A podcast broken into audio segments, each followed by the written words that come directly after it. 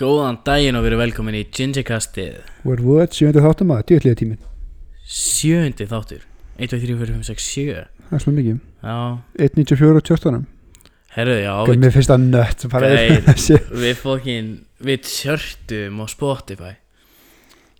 Við staðum það pínu absús með þetta að bóksla bara, var að podcast, já já, fuck it. Það er eitthvað, mér, mér finnst það útrúlega Takk kærlega fyrir stuðningin Þetta er búið að vera alveg störlað og þú veist Þetta var ekki einu sinni eitthvað svona Hú, ég er að búast við því að tjarta. Þetta var svona bara, hm Herru, fuck it, ég kíki bara Kíki bara neðst á tjartið 196 Gingerkastið. Hverju mann er að bíka og granda þú ringdur í mig, herra verið, er ég að skoða tjörtin Við hakkum tjörtum Og ég hörði eitthvað loftlösa bara, já, ok, gækja það.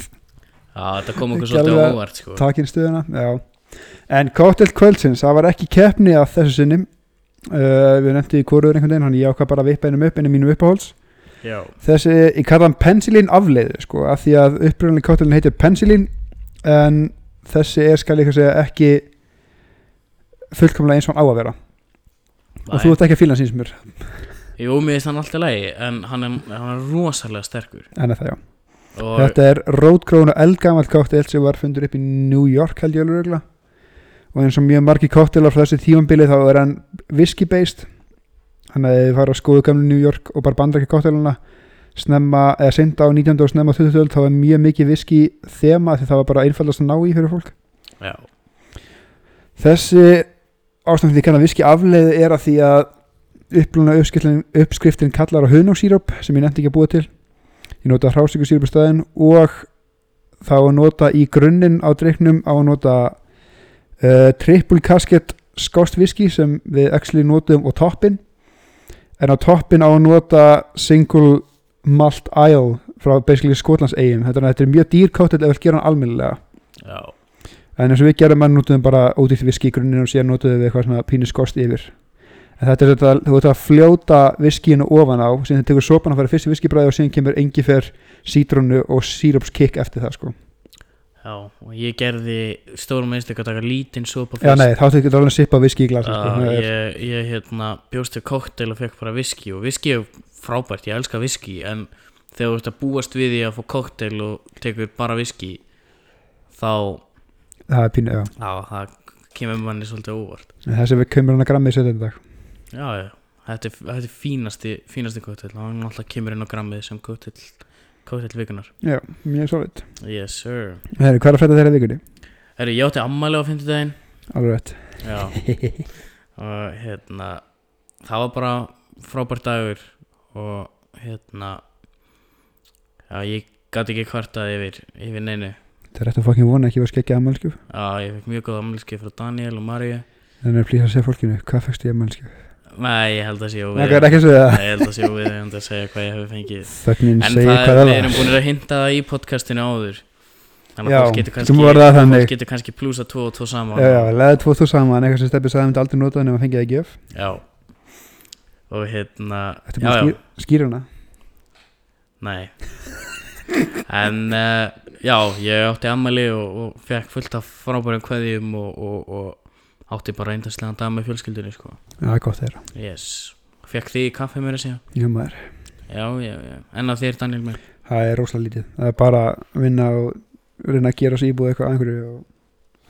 Já, þetta er farið New að work in progress. Þetta er farið að skýtlúka Þetta er ágætt. Herðu, það var jarðskjöldi líka í vikunni. Til misti fokki landið bara vitið. Já, Mætti halda að megnið af Íslendingum haldi hundi jarðskjáltaður nákvæmlega. Ég fann ekki fyrir þessu, ég var á hreyfingu í vinnunni Þannig, að- þannig að þú veist það Ég fann ekkert fyrir þessu, var fullt af fólki sem að fann fyrir þessu Já, ég í vinnunni. blöndum vakna með pappa og það var nötra allt sko. Já, þannig að ég fann ekki fyrir þessu En, en, mér veist eitt magnað Að þú er ekki töluvert minna af áfengi.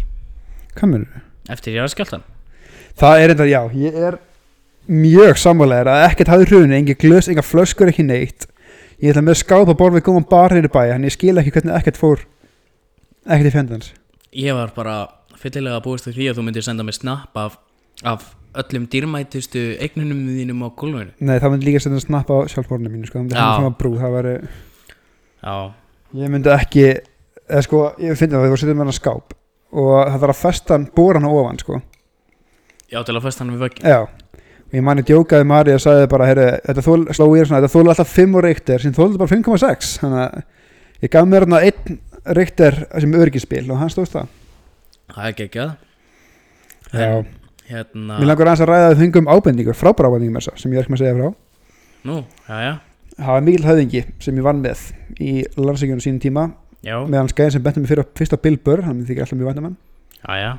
Hann benti okkur aðeins á varandi eituliða umræðan okkar Ok, flotta punta sem ég kannum með þetta fyrsta lagi að við kannski notum orðið fíklar svolítið glatt sem er alveg rétt. Og já, kannski það er svona vilja hann benda á að það verður stundum nota í dehumanizing svona manner skilur já. Og vímefnarnotandi væri kannski aðeins svona mildara sem ég samála Ég er alveg og því. þess vegna langar mér að clarify að þegar við vorum að tala um fíklar sem þátti þá vorum við ekki að tala um alla sem notuðu Nei, nei, nei, nei, nei, alls ekki. já, það var námið tvö, þetta er ekki eiturlið, þetta er vímefni Já, já, já, já. Það var, við, við, hérna Við skýrðum um þetta eiturlif og töluðum um þetta sem eiturlif út frá út frá þess að samfélaginu eins og það talar um vímuöfni Já. Þannig að það var svolítið það sem að við vorum að reyna að gera var að konveja þann punkt að, að, að þó að þetta heiti eiturlif þá er það ekki alltaf það er ekki endilega réttir því sko. Hún var líka magna að við töluðum ekkert um kaffi sem vímefni Kaffi, já, já, ok. En það er, það er ekki eins. Já, ok. En Já. uh, til að koma inn á punktinn með fíklana sko að þá vorum við alls ekki að tala um alla fíknefnotendur nýja áfengisdrekkendur eða, eða fólk sem að fæði sér síkarett á djamminu sem fíkla heldur Nei, vorum við að tala sem- um fólk sem að væri háð alls konar efnum. mismunandi típum af drasli um, eða einu drasli. eða einu drasli skilur bara, þú veist. Bara eða það kljást við fík, já, það var raunur og Þú kannski ef er þú fíkla ert- ekki rétt orðið ef þú ert og ásaki slettuna en ef þú ert dependent sko, já, það var svolítið það sem við vorum að meina og við við vorum kannski að einbytta okkur það mikið að því að tala ekki niðrandi um fíkla. Já, sem óvart gerðu það með orðalæginu á okkur já um, en fíklar eru hérna við erum ekki að segja að allir sem að neyti áfengis eða vímöfna eða nikotín séu fíklar. Nei, við stiðjum við bakið að bæði vímjöðarnótundum og þeir sem eru háðir vímjöðunum algjörlega. En að öðru eins og mjög margir vita, nei, þú og fólk kringum mig, þá er ég alltaf að leita mér að vinnu já, og mér finnst ógæslega fyndi að sjá munin í starfstitla lýsingunni, hvað að vera að byggja um þegar það skoða og það er svo augljóst að því að ég er að reyna að leita að svona tölunafræði, hugbúnaverkfræði ish starfi.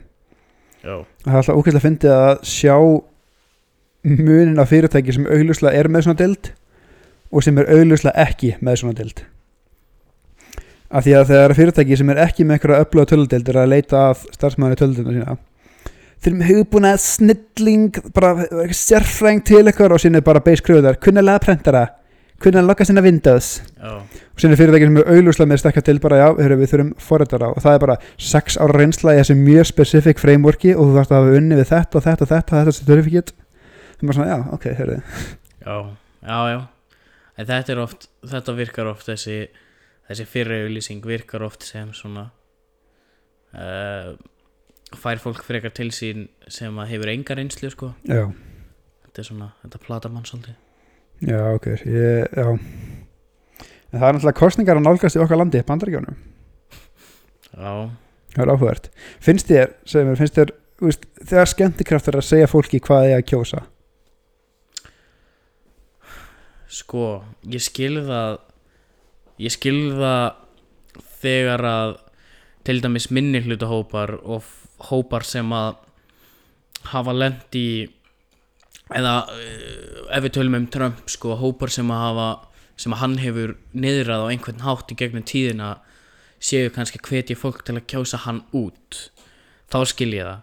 En mér finnst það að áhrifavaldar séu að segja fólki hvað á að kjósa og nota nota sína fræðastöðu til þess að ná sínu á framfæri sko.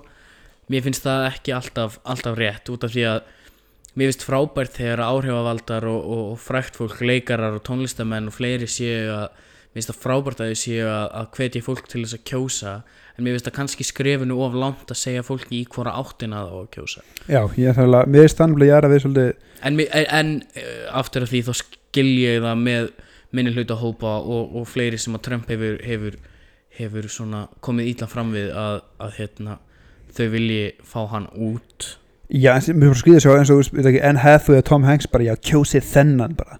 Hann er maður fólksins bara, fyrir ekki, þú ert miljardamæringur já, Ert í alveg að setja það sama stall og Jói Pípar hérna sem já, en já, það, það kemur inn á punkti minn að, að finnst frábært að það sé verið að hvetja fólk til að nýta kostningarétti sinn en, en að vera að segja fólki hvernig það á að nýta kostningarétti sinn við finnst mikið svona valbeiting sko, Já, svona, mér, finnst, mér finnst að skref, skrefi of langt sko. Já, ég finnst eitthvað stört í það sko. Til að bæta von á þetta þá finnst mér rosa common eða svona algeng, m- algengur miskilningur að, að hérna þessi miljónamæringar, þessi tónlistamenn og leikarar og áhrifavaldar séu ekki republikanar finnst, já, veist, það er þeirra hagur. akkur, ættu þau ekki að vera republikanar akkur ættu þau að vera demokratar út af því að sko, það er alltaf sagt að þú eigir að halda sko velferð þín og þinna næst hjartanaður og þú átt að kjósa með því attitúti sem að ég kannski ekkit endilega sammála.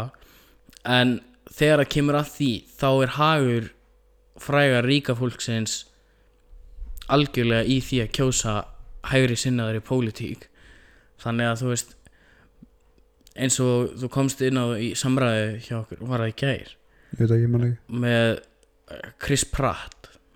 Já, já, já, já, að hann hafi verið eitthvað hándaður fyrir það að mæti ekki á eitthvað Joe Biden Joe Biden rally að sko að pólitíska skoðanir einstaklinga eiga ekki að fá að skilgreina einstaklingin þannig að þú veist það er fullt af fólki sem að stiður Trump og er frábært fólk eins og það er til fullt af fólki sem stiður, fólk, sem stiður Trump sem er það ekki sko.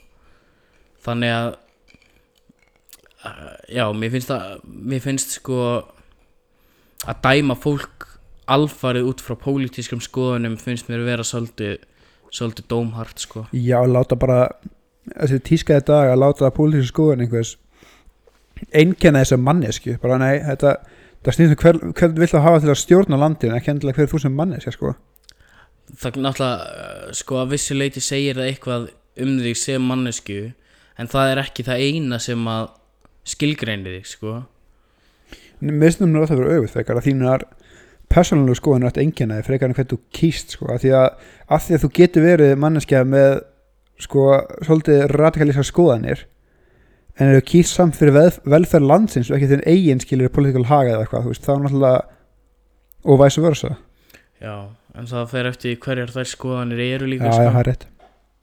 Algjörlega. En já, ég ég er sammálega þegar mér finnst að skrifa nú langt að vera að segja fólki að hvað á að kjósa.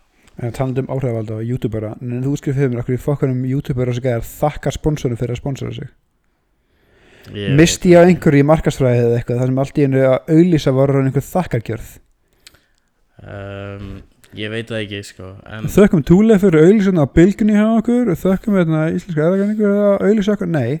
Nei, þetta er viðskiptið, þú ert að borga einhverjum sem er með audience til þess að auðlýsa vöruna þeina og í staðinn fá þau pening. Já, þú ert ekki að gera hann greiða, þetta er bara business. Já já, já, svo náttúrulega sérstaklega við erum að tala um sko YouTube auglýsingar hjá fólki sem er með miljónir af fylgjendum skilur þau eru að gera þér miklu meiri greiða en þú ert að gera þeim sko. Já, en ég hugsa sko að það hefur einhver byrjað á þessu og þetta hefur orðið bara svona trend í ég bara auglýsingum. krafist þess bara ég myndi að þakka okkur fyrir að sponsora þig. Já, og ég meina þú veist ef þú færð, ef þú færð fullt borgað fyrir auglýsinguna þá og þetta er skrifað inn í auglýsingasamningin og þú verður að þakka þeim fyrir auglýsinguna þá náttúrulega gerir það þetta er bara svo meklómeini bara segðu takk við okkur. Ég er alveg sammálaðið mér finnst þetta pínu og meikar ekki alveg fullkomin senn sko. Já, svona, ég skilir það að því leiti að þú virkilega þart pening og fyrirtæki sem er auðlýsahöður er bara cool með þetta, bara heyri, hérna ekki svo vel bara neina að minnast á okkur og það er algjör frel sem hún segir hvað sem þú vilt, þá bara því að heyri, takk fyrir að vera svona næs. En það er líka rosalega oft sem að sko auglýsingar á YouTube þurfa að fara í gegnum ferli sko að þú verður að þegar þú býrst til auglýsinguna þá verður að senda það til fyrirtækisins áður en þú býrst í eða þú fær handrit bara, já. Mm og þegar skrifir handritið, takk fyrir sponsor bara svona, "Guð, hvað er að ég skilur Já, já, ég skilur þig sko. Ég skilur þig. Eh, en, en mér finnst þetta, þetta svolítið backwards dæmi sko veikar ekki alveg sens. Bara skrítið sko. Já, en talandi um bandaríkin getur hægt að reyna að forsa Halloween á Íslandi eða? já, er ekki svolítið þreytt? Jú. ég er komið alveg nóg að lappinni búið og vera eitthvað, "Uh, hel- það það er engin grikki eða gott mér finnst Fokkaður. reyndar sko ég hef líka tekið eftir í undanfæri sko öskudagurinn er að deyja út já, og það, þú veist, ég núna tvö ári reyð hef ég ekki eins og tekið eftir að sé öskudagur sko bara, er það ég eða fengum við alltaf frí í skólum ásvölda eða?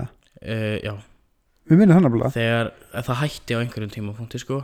Já, hún er bara, eftir hádegi bara, nei, það var fjörið, þú varst komið kljóða nýju ykkur staðar og byrjaði að tókst strætónir í mjótt og, og söngst í emnalögin í björg og fyrst sleikjó skilur sleikjó og sterkjafni en hérna það er náttúrulega sko við fengum alltaf frí held ég. Ég, ég er alveg vissum að við fengið sko allan daginn en svo einhver tíman í grunnskóla þá hætti það. Á meðan að við vorum í grunnskóla sko.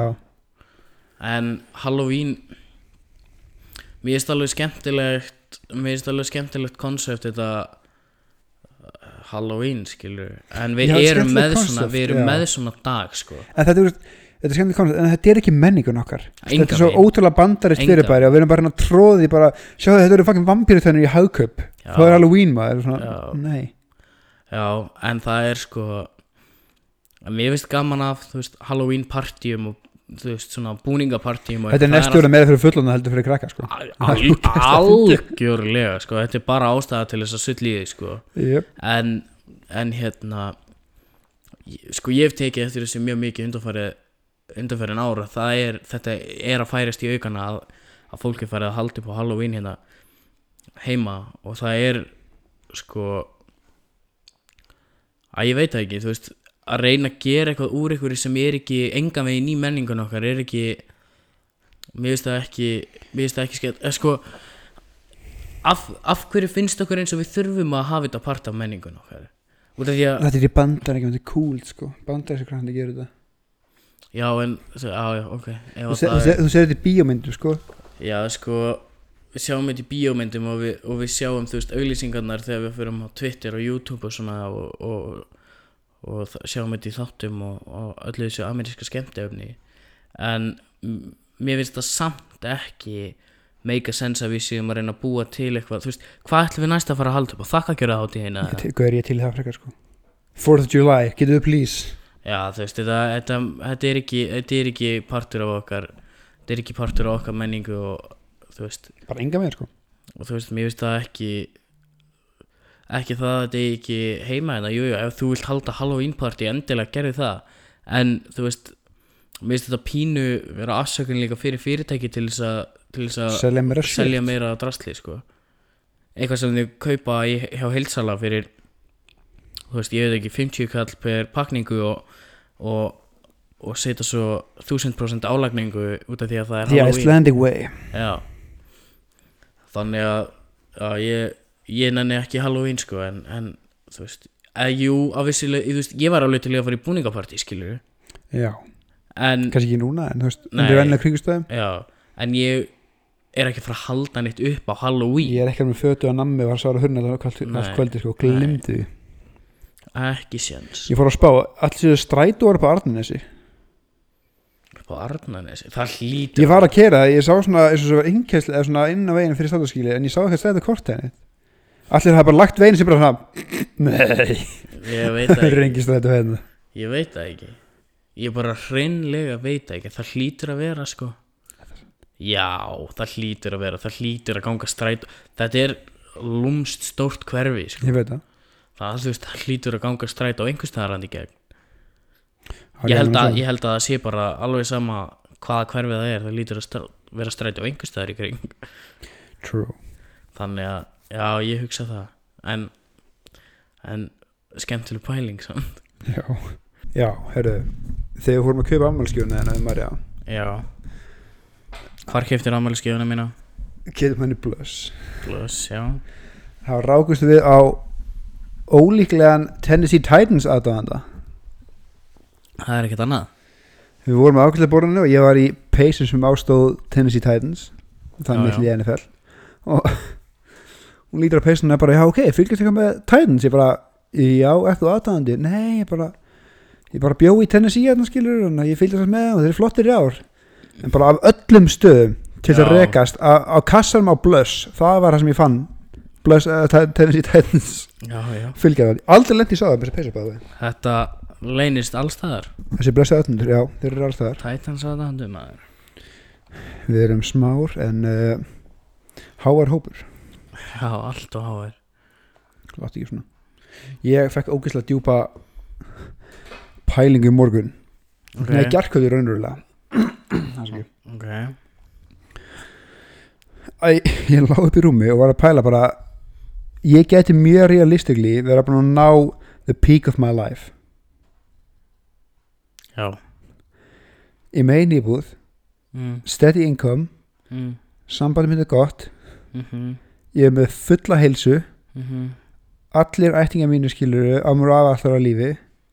Veist, þetta gæti verið mjög realistically toppinum bara á lífinu skilur já, toppurinn á þinni tilhöri já, bókstaflega. Ég, ég hef ég hef dottið niður þessa kaninu hólu sko.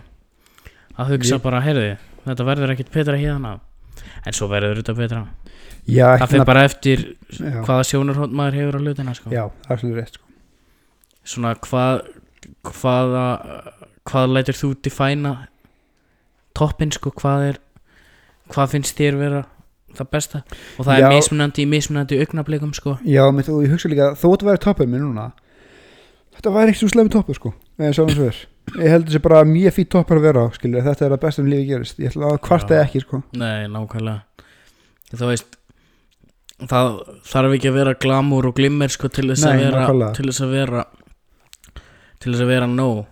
Og og bara fá þess að hugsun, ég fekk þess að hugsun basically bara svona, að þetta er eins og nála því að vera hamingisamur svona gæslapa, að, að bara, ég er bara að lifa hamingisamlega, þetta er svona það næsta, sí, næsta því sem ég held ég gæti komist í, já, þannig að þú veist, jú, jú, kannski draumurinn hjá flestum og mjög reikla tímbili og ég bara, bara já, fucking rist á hús, enga þóttu og eitthvað, en bara en maður er aðeins realistic ég held sko að hamingja svona í sjálfu sér er þegar maður er ekki sko þegar maður er ekki content heldur þegar Já. maður er ánæður með yep. hvert maður er að fara og hvert, hvar maður er út af því að það er rosalega það er rosalega auðvelt að vera bara sáttur en um leiðu þú ert orðin ánæður með mismunandi mismunandi hluta af þínu lífi hvort sem það er vinna eða íbúð eða, eða gott samband eins og hjá þér núna að þú ert ánæður þú veist, þú ert ekki bara sáttur þú, þér líður vel með það sem þú ert búin að afreka hinga til. Já, sem er, sem er rosa gott. Og það er líka hvet alltaf til þess að taka sér þú veist einu svona dag og, og pæli í þú veist hvað ert þú búin að afreka í dag skilur sem að, sem að kætir þig?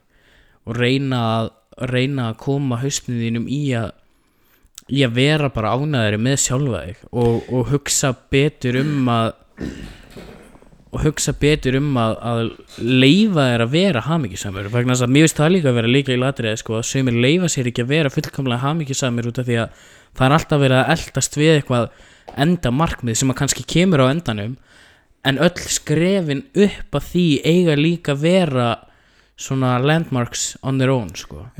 og það er bara að ég held að allt og fáir leifir sér að hugsa skilur ok, hvernig virkilega úst, líðum við núna og leifir sér að þegar tímaður eru góðir mm að úst, ég var meðlan persónulega mjög mikið til að alltaf þegar það gengum vel það er bara ok, þetta, þetta verður að fara shit house sideways svona bráðan bara skilur, með ljóstíla þannig að svona, þetta er fyrst sem ég bara leiði mig bara já, nú líðum við vel, ég ætla bara að njóta þess með að endi svo sem kemur eitthvað upp á, þá kemur það upp á. Já.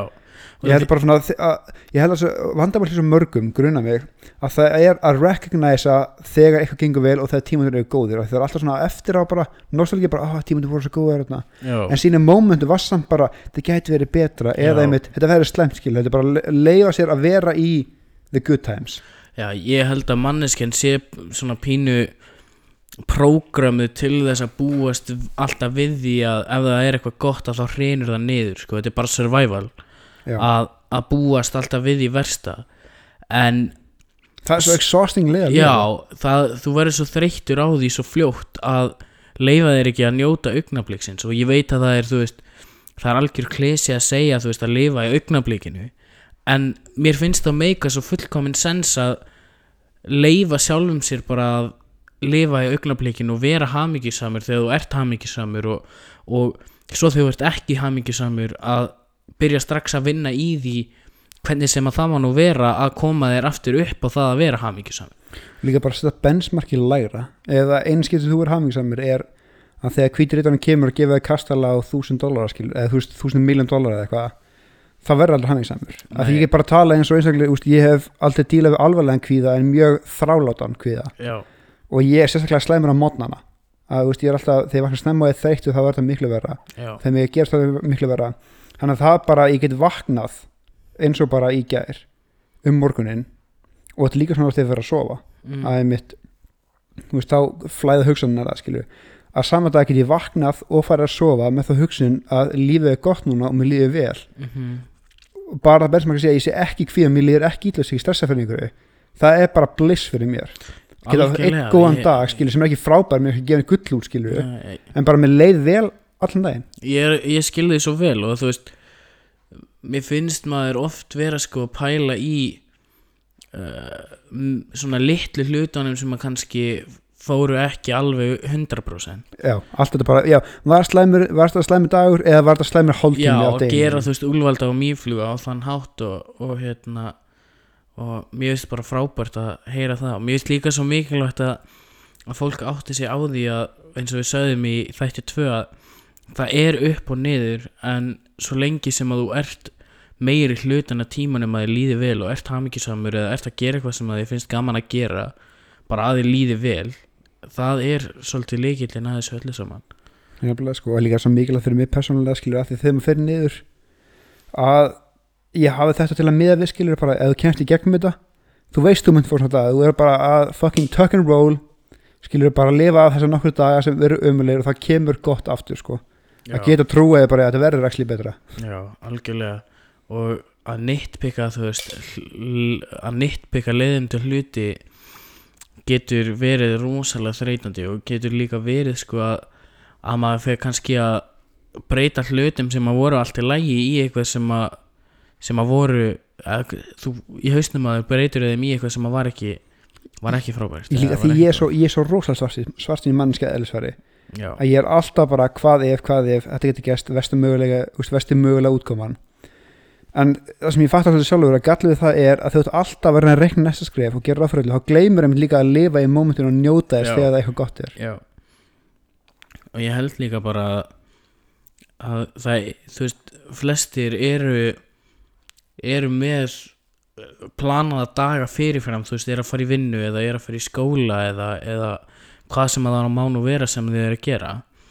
Að að einmitt þau gleyma að það er líka mikilvægt að njóta þess sem þú ert að gera og ég veit að stundum er maður að gera eitthvað sem er ógislega leðilegt en ég fyndi það hjá sjálfu mér að það skiptir rosalega miklu máli með hvernig viðhorfi ég kem inn í það hvort að ég horfi tilbaka þegar dagurinn er búinn í vinnunni og ég segi ó þetta var leðilegu dagur eða bara já þetta var fínasti dagur. Út af því að viðhorfið sem að ég fyrir með inn í einhver verkefni eða inn í eitthvað er gerir oft gæfi munin á hvernig ég kem út úr því sko þú veist ef ég fer brosandi inn í eitthvað þá kem ég líklegast brosandi út úr því nema að koma Já. eitthvað upp á sko. Og líka þetta bindur svolítið inn annan punkt hjá mér. Af hverju, þú veist, þegar tala um að lifa lífins til fulls, bara eitthvað use your day, hvað er það þetta er alltaf myndbúta fólki út að skokka eða klífa fjöll eða gera eitthvað. Af hverju getur það að lifa lífins til fulls, ekki bara að slappa af að njóta lífsins? Mér finnst einmitt að lífa líf þegar þú ert að lifa lífinu til fulls þá ert þú að leifa sjálfur að gera það sem að þér finnst best að gera. Bara svo núna á bara í gær. Veist, ég var bara ég var bara spenntu fyrir því mitt að klára vinnuna að koma heim og hafa ekkert planað. Að Mér geta slappað af hérna og horta sjónbið, verið í tölunni slappað með Maríu bara eiga bara kósi þægilegt kvöld. Mér finnst ekki vera að fara í rektina skilur, eða fara út að hlaupa eða gangi í esjuna skilur, eða gera eitthvað, nei. Ég er að gera sem ég langar að gera. Mér finnst það frábært og, og hérna við erum báðið svolítið svona mér finnst það ég held að við séum sammálaðið þessu. Það kvíðir mig rosalega mikið að hafa ómikið plana. Ekkert smá nefnilega. Mér kvíðir svo fyrir því að þurfa að sem standa- alla dagar er eitthvað það er bara fokk mér, henni sig mér kvíði, ég kvíði svo fyrir því að vera með allt planað fyrir fram mig og þurfa að standa þá við það plan. Já, svona eins og þegar við förum til útlanda já. þá, Þegar við, já, þegar við tveir förum til það útlanda er flug og síðan fuck it. Já, þú veist, út af því að við viljum ekki sita sjálf okkur undir þá pressu út af við erum báðir svoleiðis að við stressumst upp og verðum kvíðnir ef að ef við erum búin að plana og þetta getur verið skemmtilegt plan en bara ekki veist, þetta er svona þetta er, er einhver skuldbindningar hjá okkur. Nei, ég held að það sé pínu. ég veit það, en maður er líka sko þessi þetta er, þetta er einhver, er við skuldbindningar já, og við viljum ekki sita okkur innan einhvers tímarama Nei, mér finnst það, það stressa mig svo mikið. Þetta er eins og þú veist, fólk sem segir ó, ég verða að vera komin upp í rúm klukkan tíu annars sef ég ekki nóg. Það, það myndi stressa mig. Já, út af því að hvað ef ég er að gera eitthvað hvað ef ég er ég að gera hvað ef ég er að gera eitthvað yfir kvöldið og ég get ekki farið að sofa klukkan tíu? Þá áttum við að búa til mental stress sjálfa þig sko. já, þá ertu bara að búa til svona undirleikandi bara ég er ekki að standa við planið mig Já, eins og þú veist, ég hefði átt að skipulegja mig betur. Nei, þú hefði bara ekki átt að skipulegja þig punktur. Til því svona, já, ég ætla að reyna að fasta okkur tíu sko, sem bjóð bara vinniðin út á rúndi kljóðan níu og kljóðan tíu, tuttuð bara fokk, ég var komin í rúmið, þú veist, áttu Já, að búa til eitthvað svona tension þá áttu eftir að fara í styrtu og busta tennur og allt skilur þannig að þú veist mér finnst skipulagning er náttúrulega mjög mikilvæg í mjög mörgu. Ekki vera skipulegja frítíma þinn. En ég, ég get ekki gert þetta því að það stressa mig svo mikið. Já, og ég Þannig held að að eða það sturt að við það hjá mér sko, ég á mjög eða, þú veist, ég virka alltaf mjög óáhuga saman þegar að gera plön, ekki því mér langaði ekki heldur bara að því að ég mitt svona skipulagning stressa mig úrsluðu upp að því að mér líður svo að standa, standa við eitthvað, að því ég set svo mikla press sjálf með að standa hlutina þegar ég set það sko. já Út, Sérstaklega þegar maður er að gera það í frítímanu sínum sko. Mér finnst það fullkomlega eðlilegt í vinnuna skilur þá erum við kannski með 50 verkefni sem við þurfum að klára í dag og við skipuleggjum þau þannig að við byrjum á stærstu verkefnunum og vinnum okkur niður það er alltaf leið skipulegning en um leið og það er komið skilur þú verður að vera búið með þetta klukkan þetta þá verður ég stressað það er bara svona, já, þú komist í ríki fyrir kl. 6 og búin í vinnu kl. 5 sín ammali kl. 7 og síðan það komið kl. 9 og það komið gæði koma að laga húsljósina það er bara svona, fuck algjörlega og líka þegar maður eins og ég veit um mig þegar ég var yngri að það var svona en að gera bara draumurinn kannski. Að bara já, ég ætla að vera úslega ríkur og frægur og svona og síðan skilur ég bara að vera miljónamæningur og búst, alltaf eitthvað að gera og mér leiðist aldrei og ég geggjaði íbú skilur ég bara eitthvað að há í sig og eitthvað. Sem hún er eldri, þá bara svona the white picket fence draumurinn já, verður einhvern veginn fallega með hverju árinu. Að eiga bara ekki og það sem tala um bandarækir skilur, bara eiga svona ranch já, þitt svæði, þitt land, þú kemur heim kláðan fokkin fjögur og þá er bara þú búinn. Og þú bara, já, búist peka krakkan på skólanum með, þú veist, þetta gra- slá grasi eða eitthvað og farið til eitthvað og elda matskilu upp er róli heitum Já, það er, það er myndraumur miklu frekar eldur en eitthvað annað ég er sko. orðin svo fokkin miðaldra sko, það Já, þú veist það er hérna þú veist þetta er eins og núna á morgun er ég að fara að stjúsast og ég veit að ég er að fara að gera ég sko bara, ég elskar stúsast Já, að veist, ég er það að er ekki tímaplan Nei, ég er að fara að gera fullt af drastli en ég er ekki með neitt tímaplan. Þetta er bara, eina- ég þarf að fara í búð A, B, C, D og Já. E milli 11 og 7 Já, og það er skilur fullkomum fyrir mig. Það, það er bara, með, það er akkurat þa- þannig að planið mitt á morgun. Ég þarf að fara í nokkra búðir þarf að fara hingað og þangað og ég verð að vera mættur í, í matabóð klukkan sjö eða þú veist, eitthvað. Þannig að frá því að ég vakna og þangað til klukkan sjö þá hef ég tíma til að gera það sem ég ætla að gera ef að það gengur ekki upp þá er það alltaf læg út að ég hef sunnudaginn líka. Já, en ég er ekki með planað klukkan 12.23 verð ég að vera búinn að fara í sorpu og Já, mættur út í kringlu. nákvæmlega. skilur þú veist þetta er ekki og ég ætla að þetta búið til svo mikið að stressa samfélaginu mitt, að þetta er svona, allir eru svo mikið að drífa sér liðin eitthvað, í staðan fyrir bara að taka ég sér reyndar, bara ég reyndar er svo sammála þessu að það eru allir að drífa sig alltaf að öllu af ástæðu lausu Þú veist, og ég skil að fólk drífi sig þegar það er inn í búðum og svona skilur en en þú veist bara róaði niður stoppaðu aðeins hugsaðu um af hverju ertu að drífa þig. Ok, þú ert að drífa þig út af því að þú þarft að sækja krakkan á leikskóla Ég ætla, já, þetta er nákvæmlega, þú veist, af hverju trillis fólki í umferðinni? Af því að klukkan er 16.45 það þarf að segja krakkana hinga klukkan 5 koma með æfingu 17.30 skiluru mm -hmm. og síðan þarf að vera að koma heim klukkan 6 til þess að elda því að krakkni koma heim með 18.30 skiluru þetta er svona mm. að búa til circular hell fyrir sjálfa þig og þess vegna panika maður þegar það gengur ekki sko. já. en sko þetta var svolítið djúpum ræð Já. uh, life lesson of the day í Gingy-kastinu er að slappa af uh, slappa af og liðu lífinu verð ekki að, að ofskipulegja þig talum að slappa af uh, konur, já, geggja segway fokk að góður í þessu. Færð, þú færð fullt af fólki á móti þér núna. Nei, þetta var actually disclaimer, joke pæling. Já, en ég fór velta fyrir mér.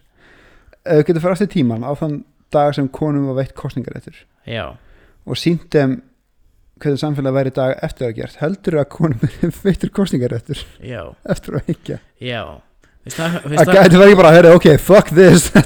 Veistu það hverju? Það verður ekki betra dömur. Veistu það hverju ég held að er þið aftur gert? Eða þú veist, aftur gert.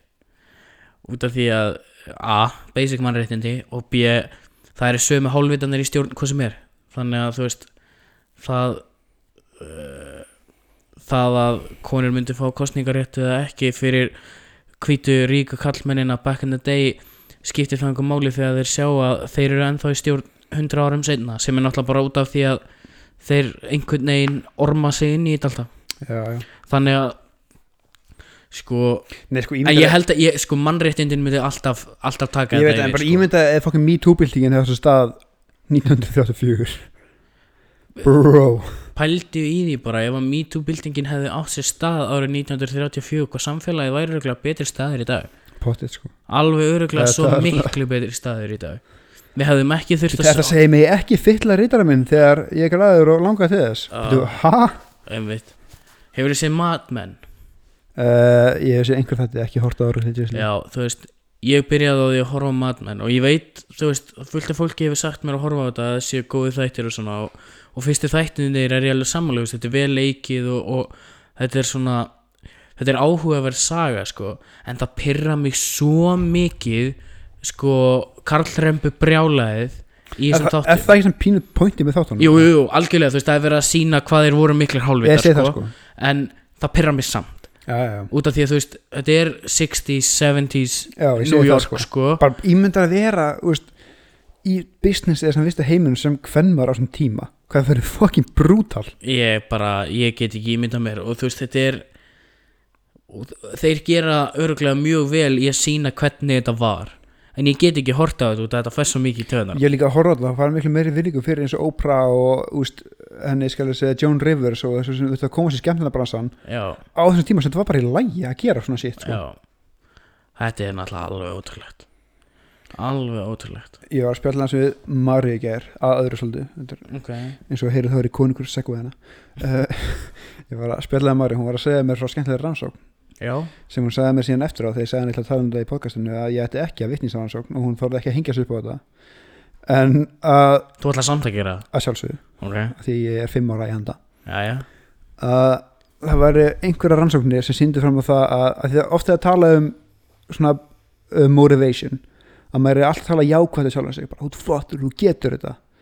Uh, þessi rannsókn sýndi að stundum er neikvægt sjálfstal líka effektiv hvernig ósköpunum á það að virka? Ég fekk hins vegar, ég fekk auðvipur og ég sagði, já, ég er búin að gera núna í svona 8 ár cirka Já, en, að hvað, en, einhvers- en finnst þér þú vera að fá eitthvað motivation út úr því eða ertu meira svona út af því að þú ert þú sko að þú ert að segja svona hluti við sjálfa þig og svo ertu að spæta sjálfa þig með því að vera akkurat anstæðan við það? Nákvæmlega. Já, en það er bara þú sko. En þú veist, ég held að ég held að ég sé ekki einn í þessu af því að ef ég er eitthvað svona að reyna að gera eitthvað erfitt og segja sjálf mig, þú, þú getur þetta, þú ert frábær. Ég veit að það er fókin lígi sko. Það er, að Ég reyndar gerir þetta, ég gerir þetta aldrei sko. Í stæðan að segja bara, ertu, ertu fókin auðmiki Sko, gerði þetta bara, ég er bara, ég er ekki auðmiki, ég ætla að gera þetta sérstaklega með gítarinn sko.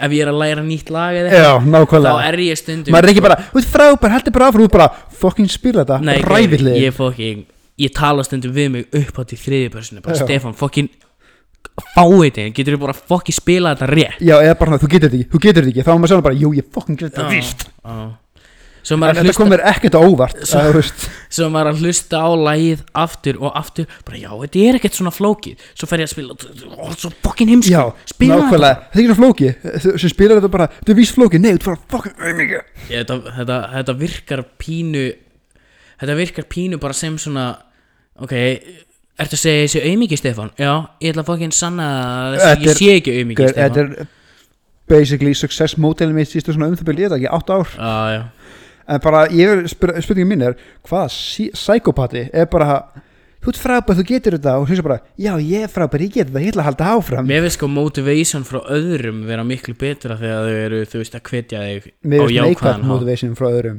mest hvetjandi, einhver segir við þig einhver annar segir við þig, þú getur þetta aldrei. Þá er það bara, oh boy, reyndar, þú kveikti fokkin í eldin hann ég, ég er sammála því sko, en jákvætt motivation frá öðrum er miklu betra heldur en jákvætt motivation frá sjálfur út af því að þú trúir ekkert sjálfur sko. nei, en mér líka bara eins og ef einhver, úst, þess vegna er þetta eins og íþróttum, reverse taktik að segja þú þetta er gott skot hjá þér vákvað, þú mynd gera þetta vel. Mhm. að þá ertu komin inn í hausinu og skilur bara fuck, uh, en þú segir við gæja ekki sens á að geta skorað hann. Þá fucking skeitar hann á það sko. Já, bara þetta fuck you element og hann er það að implementa það inn í sjálfan þig í hausinu þinn. Já. Oh boy. Já, en mér finnst til dæmis sko mér finnst neikvæð gaggrinni vera ofbúslega uppbyggileg góð til uppbyggingar. Út af því að sko svo lengi sem það er ekki verið að rakka þig niður til heljar sko. Já og líka ef þetta er einhver sem þú virði virkilega sem er rakkaðinni þá Já. hefur þetta kannski áhrif. Já, ef pappi myndi segja þeim að ég væri piece of shit skilur eitthvað þá er sem myndum við líða illa. Já, en ef þetta ekki þú getur þetta ekki, þú einmikið þá væri bara ég að geta fimm sinni núna bara því að fokka þér. Já. Já, ef það er einhver sem þú hefur mikla virðingu fyrir sem að er með uppbyggilega neikvæða gaggrinni þá svínvirkar það sko þú veist Dave Chappelle sagði held ég örgulega að vera hann. Þegar hann var að byrja uppstandi þá kom Bill Cosby og þetta var þegar hann var hetja og ekki Já, ekki það sem hann var í álurinu og ringdi hann. Og hann náttúrulega Dave Chappelle er svartur uppstandari skilur hann að hann dýrka hann. Og hann basically bara út húða á honum fyrir það að hafa blóta svo mikið og hann væri neikvæð stereotýpa fyrir sinn hóp skiluru og Chappelle sagði bara hann var, var eðlaður yfir þessu. Já, síðan ringdi hann í Richard Pryor sem var álíka mikið legend skiluru sem sagði hann bara, veist, er fólki að hlæja? Eftir að fá pening, já, þá má hann fokka sér skiluru það er allt þetta sem þú að já. Algjörlega. En þú veist bara eins og í vinnu sko ef að ef þú ert að gera eitthvað nýtt til dæmis eða ef þú ert að byrja með podcast heiðu, að þegar að fólk er að fylgjast með þér vinna eða er að kenna þér eða er að hlusta að þegar að fólk er með punta og kemur með puntana til þín sko og þau bera virðingu fyrir þér þegar þau eru að segja þetta við þig og eru að reyna að hjálpa þér með því að ég bara con- constructive criticism já, uppbyggileg gaggrinni að ég held að fólk taki stundum svolítið vittlust í það sko. algjörlega, ég er mjög samanlega en, en ég fucking elska það sko. sérstaklega í sérstaklega í, í vinnu og svona þú veist að, að fá ok, þú ert alveg þú veist, þú ert ekki að gera þetta vittlust en þetta er samt heimskulega leið til að gera þetta og það svona getur gert þetta tíu sem Já. hraðar og meðan einhver annar segir gerð það fangir rétt auðmikið, þú getur aldrei gert þetta rétt það væri bara, ég ætla að bestur í þessu núna já, bara þú sagðir þetta, já, en þannig ekki hausa minn allavega líka bara þess að ef einhver með þetta er að koma og shit yfir okkur fyrir þetta podcast já, ég sé ekki scenario sem ég er eitthvað disheartened. Eða líður illa við, af því að ef þetta er einhver stærri en við fæn, fair enough skilur, betri í þessu við. Já, ef þetta er einhver sem er neðra við bro, þegið við, við erum óverðið því það er já, þessu. Og þetta er einhver sem er ekki með podcast, það bara, já, við erum að bara gera þetta til fun skilur já þú og einhver segir þetta er lélegt væntalega, við erum tveir fullur hálfleitar að spjalla um Já. samfélagsmál, við erum bjóst eða já, þú veist, ef einhver er að þetta er ekki ljósi söguna sko Já, ef einhver er að ef einhver er að ef einhver uh, segir að þetta sé liðlega podcast ok, þú veist akkur ertu að er hlusta nákvæmlega, hættu að er, hlusta okkur það er engin að segja þér að þú þurfur að hlusta á þetta podcast sko. við erum bara eitthvað fíblast og tala um eitthvað sem Ég erum að gera fyrir um. okkur og þess að einstaklega sem er að hlusta okkur skilur Við við erum að, fyrst og fremst að gera þetta fyrir okkur þú veist, það er. COVID og, og svona eftir vinnu yfirleitt þá hefur maður ekkert að gera þannig að við fundum okkur eitthvað til að Þetta er stúsast í afsökun til að hittast einu sem vika og drekka saman Þetta er, Já, og hérna við erum, báð, við erum báðir búinir að við erum báðir búinir að spila svo mikið fútbolmanager að við þurftum að finna okkur eitthvað með því svona til þess að til þess að brasa. Gauð, tanda fútbol manager Já, þið spila ekki fútbol manager það var næstu fimm minnur glataðar En Ef eitthvað ræðin blaðhæðan fundan í fútbol manager ó, Gauð Eða sko ég elska þetta af því að fyrir ásum ekki vita þetta er fútbol manager er basically FIFA fyrir hugsandi fólk. Það veist, þetta, er, er, þetta er raunverulegasti fótboltaleikur sem þú getur fundið þegar það kemur að öllu utanvallar en það er bara þessi blaðmann fundir. Þú veist það er spurningat eitthvað þessi þjálfari sagði að framherjini var hættulegastur liðinu heldur kannski að hann sem er gott heldur að hann sem er gott grip á liðinu veit hver er hættulegur? Og meðan framherjini er búin að skoða 50 mjög tímbilinu ég held meira þess að hver sem er myndi fatta að hann er mjög líklega hættulegastur liðinu Já Mér finnst líka spurningin alltaf ef hann vissi það ekki þá myndi ég hafa áhyggjur af hann Já, mér finnst líka alltaf svo skemmtilegt sko, ég fer ekki á blaðamann að fundi í fútbolmann, ég send alltaf bara aðstofþjálfur minn. Og þetta, ég nenni ekki að lesa þessar spurningar sko.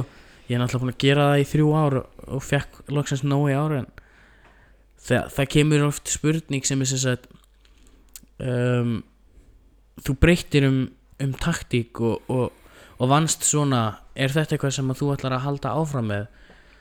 Og þú veist svarmöguleikandir sem þú hefur eru bara já, já, já, já nei, og þú veist þetta, þetta er frábæri leikur hann er svo raunverulegur varandi allt og það er náttúrulega ekki hægt að prógrama betri er Pep Guardiola hefur fjórun tíni á mér sko.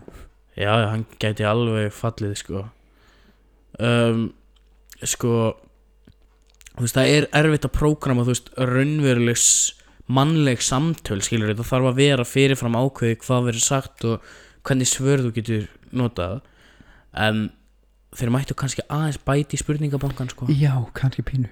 Út af því að maður fær sömu tíu spurningarnar endalaust yfir tímabilið sko. Já, tala ekki um fucking tunnel spurningarnar ára fyrir leiki. Já, Guðminn góður. Alltaf spurt um þennan eina leikmann sem þú þarft að hafa á bekknum út af því að hann spilaði í miðri viku og ekki að þreyttur uh, Akkur er hann ekki liðinu svo er það alltaf he just being rested that's Já, já, En ég ætla að halda hún fókból þeim önum að stinga eininn á milli.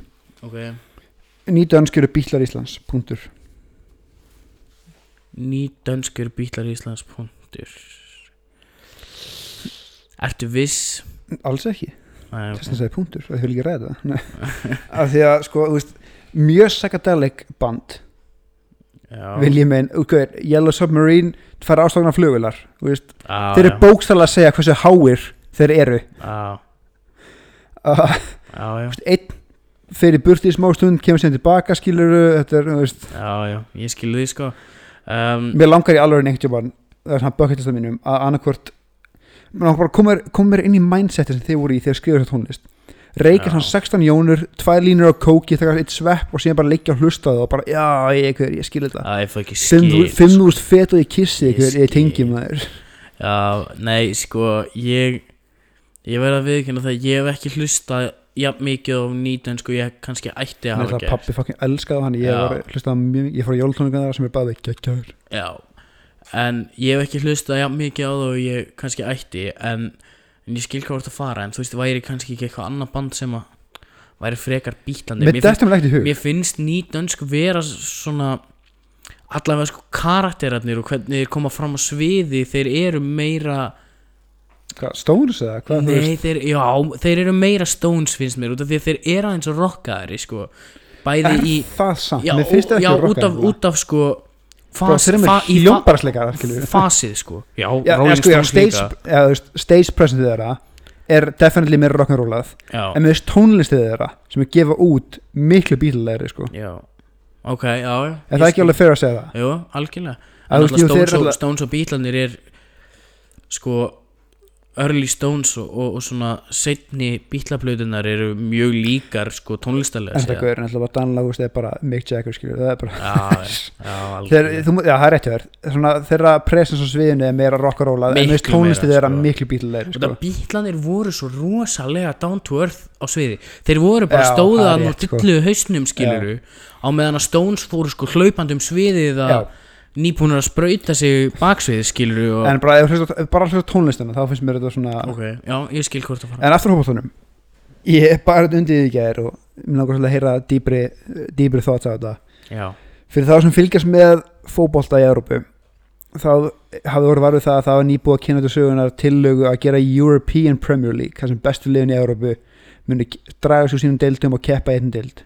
Nei, þetta er, þetta er bara skiptum meistarliðina fyrir ekki já þetta, er, þetta er í staðin fyrir meistaradildina það er basically önnur deild já, þetta með er, 20 liðum þetta er eitthvað, 18 liðum. deildakeppni milli stærstu eh, ekki stærstu endilega heldur bestu ríkustu. ríkustu, Let's- segjum bestu þessu ríkustu klúbunum. liðunum. þessu klúbanir Ok, sem að sorry, Man United var þess að deild bestu klúbanir í Európu já þú veist Man United eru uh, historically á, historically góði kl- en þeir eru líka hjút En þú klúbur veist, sko. Tottenham var í þessu sko já en það er út af því að Tottenham eru meistaradeildaklúbur að miklu leiti Já, en þú veist bara svona að segja það, veist, þú veist- bestu lið, ef við horfum á síðan fimm ár hvað hafði þessi lið sem eigast lið raunverulega að achieva sko?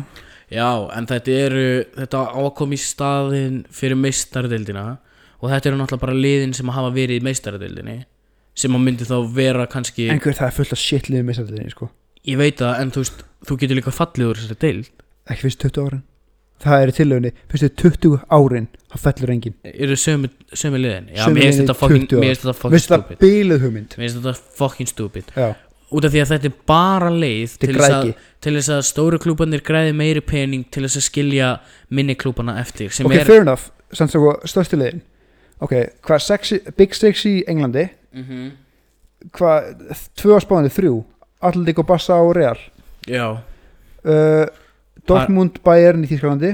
París og Lyon eru glæði í Fraklandi það komið 8 pluss 6, 14 Já, svo ertu með sko Inter Þú með Juventus, þú með Napoli Á Napoli.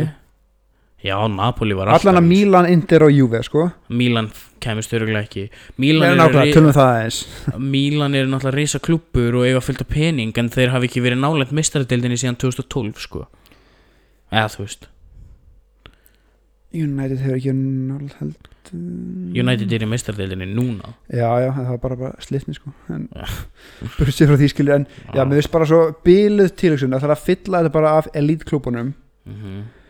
engin fellur í 20 ár skilur þetta er svo Það er bara, svo bara ógeðslega- græðkispæling Það döðans væri svo gaman að vera með bara þú veist Premier League um helgar og, og, og, og þessa deild í miðri viku skilur það væri svo gaman það að sjá þú veist, Liverpool og Barcelona mætast alltaf tvisar á tímabili og, og geggjað. En þetta er svo stupid fucking hugmynd. Af því að sko, ok, deildunar úst, fámennardeildin í Európu er búindislíkar með átjánlið, Já þú veist, fámennasta stóra deildin. Er stóra deildin að Já. segja af þessum stóru fimm.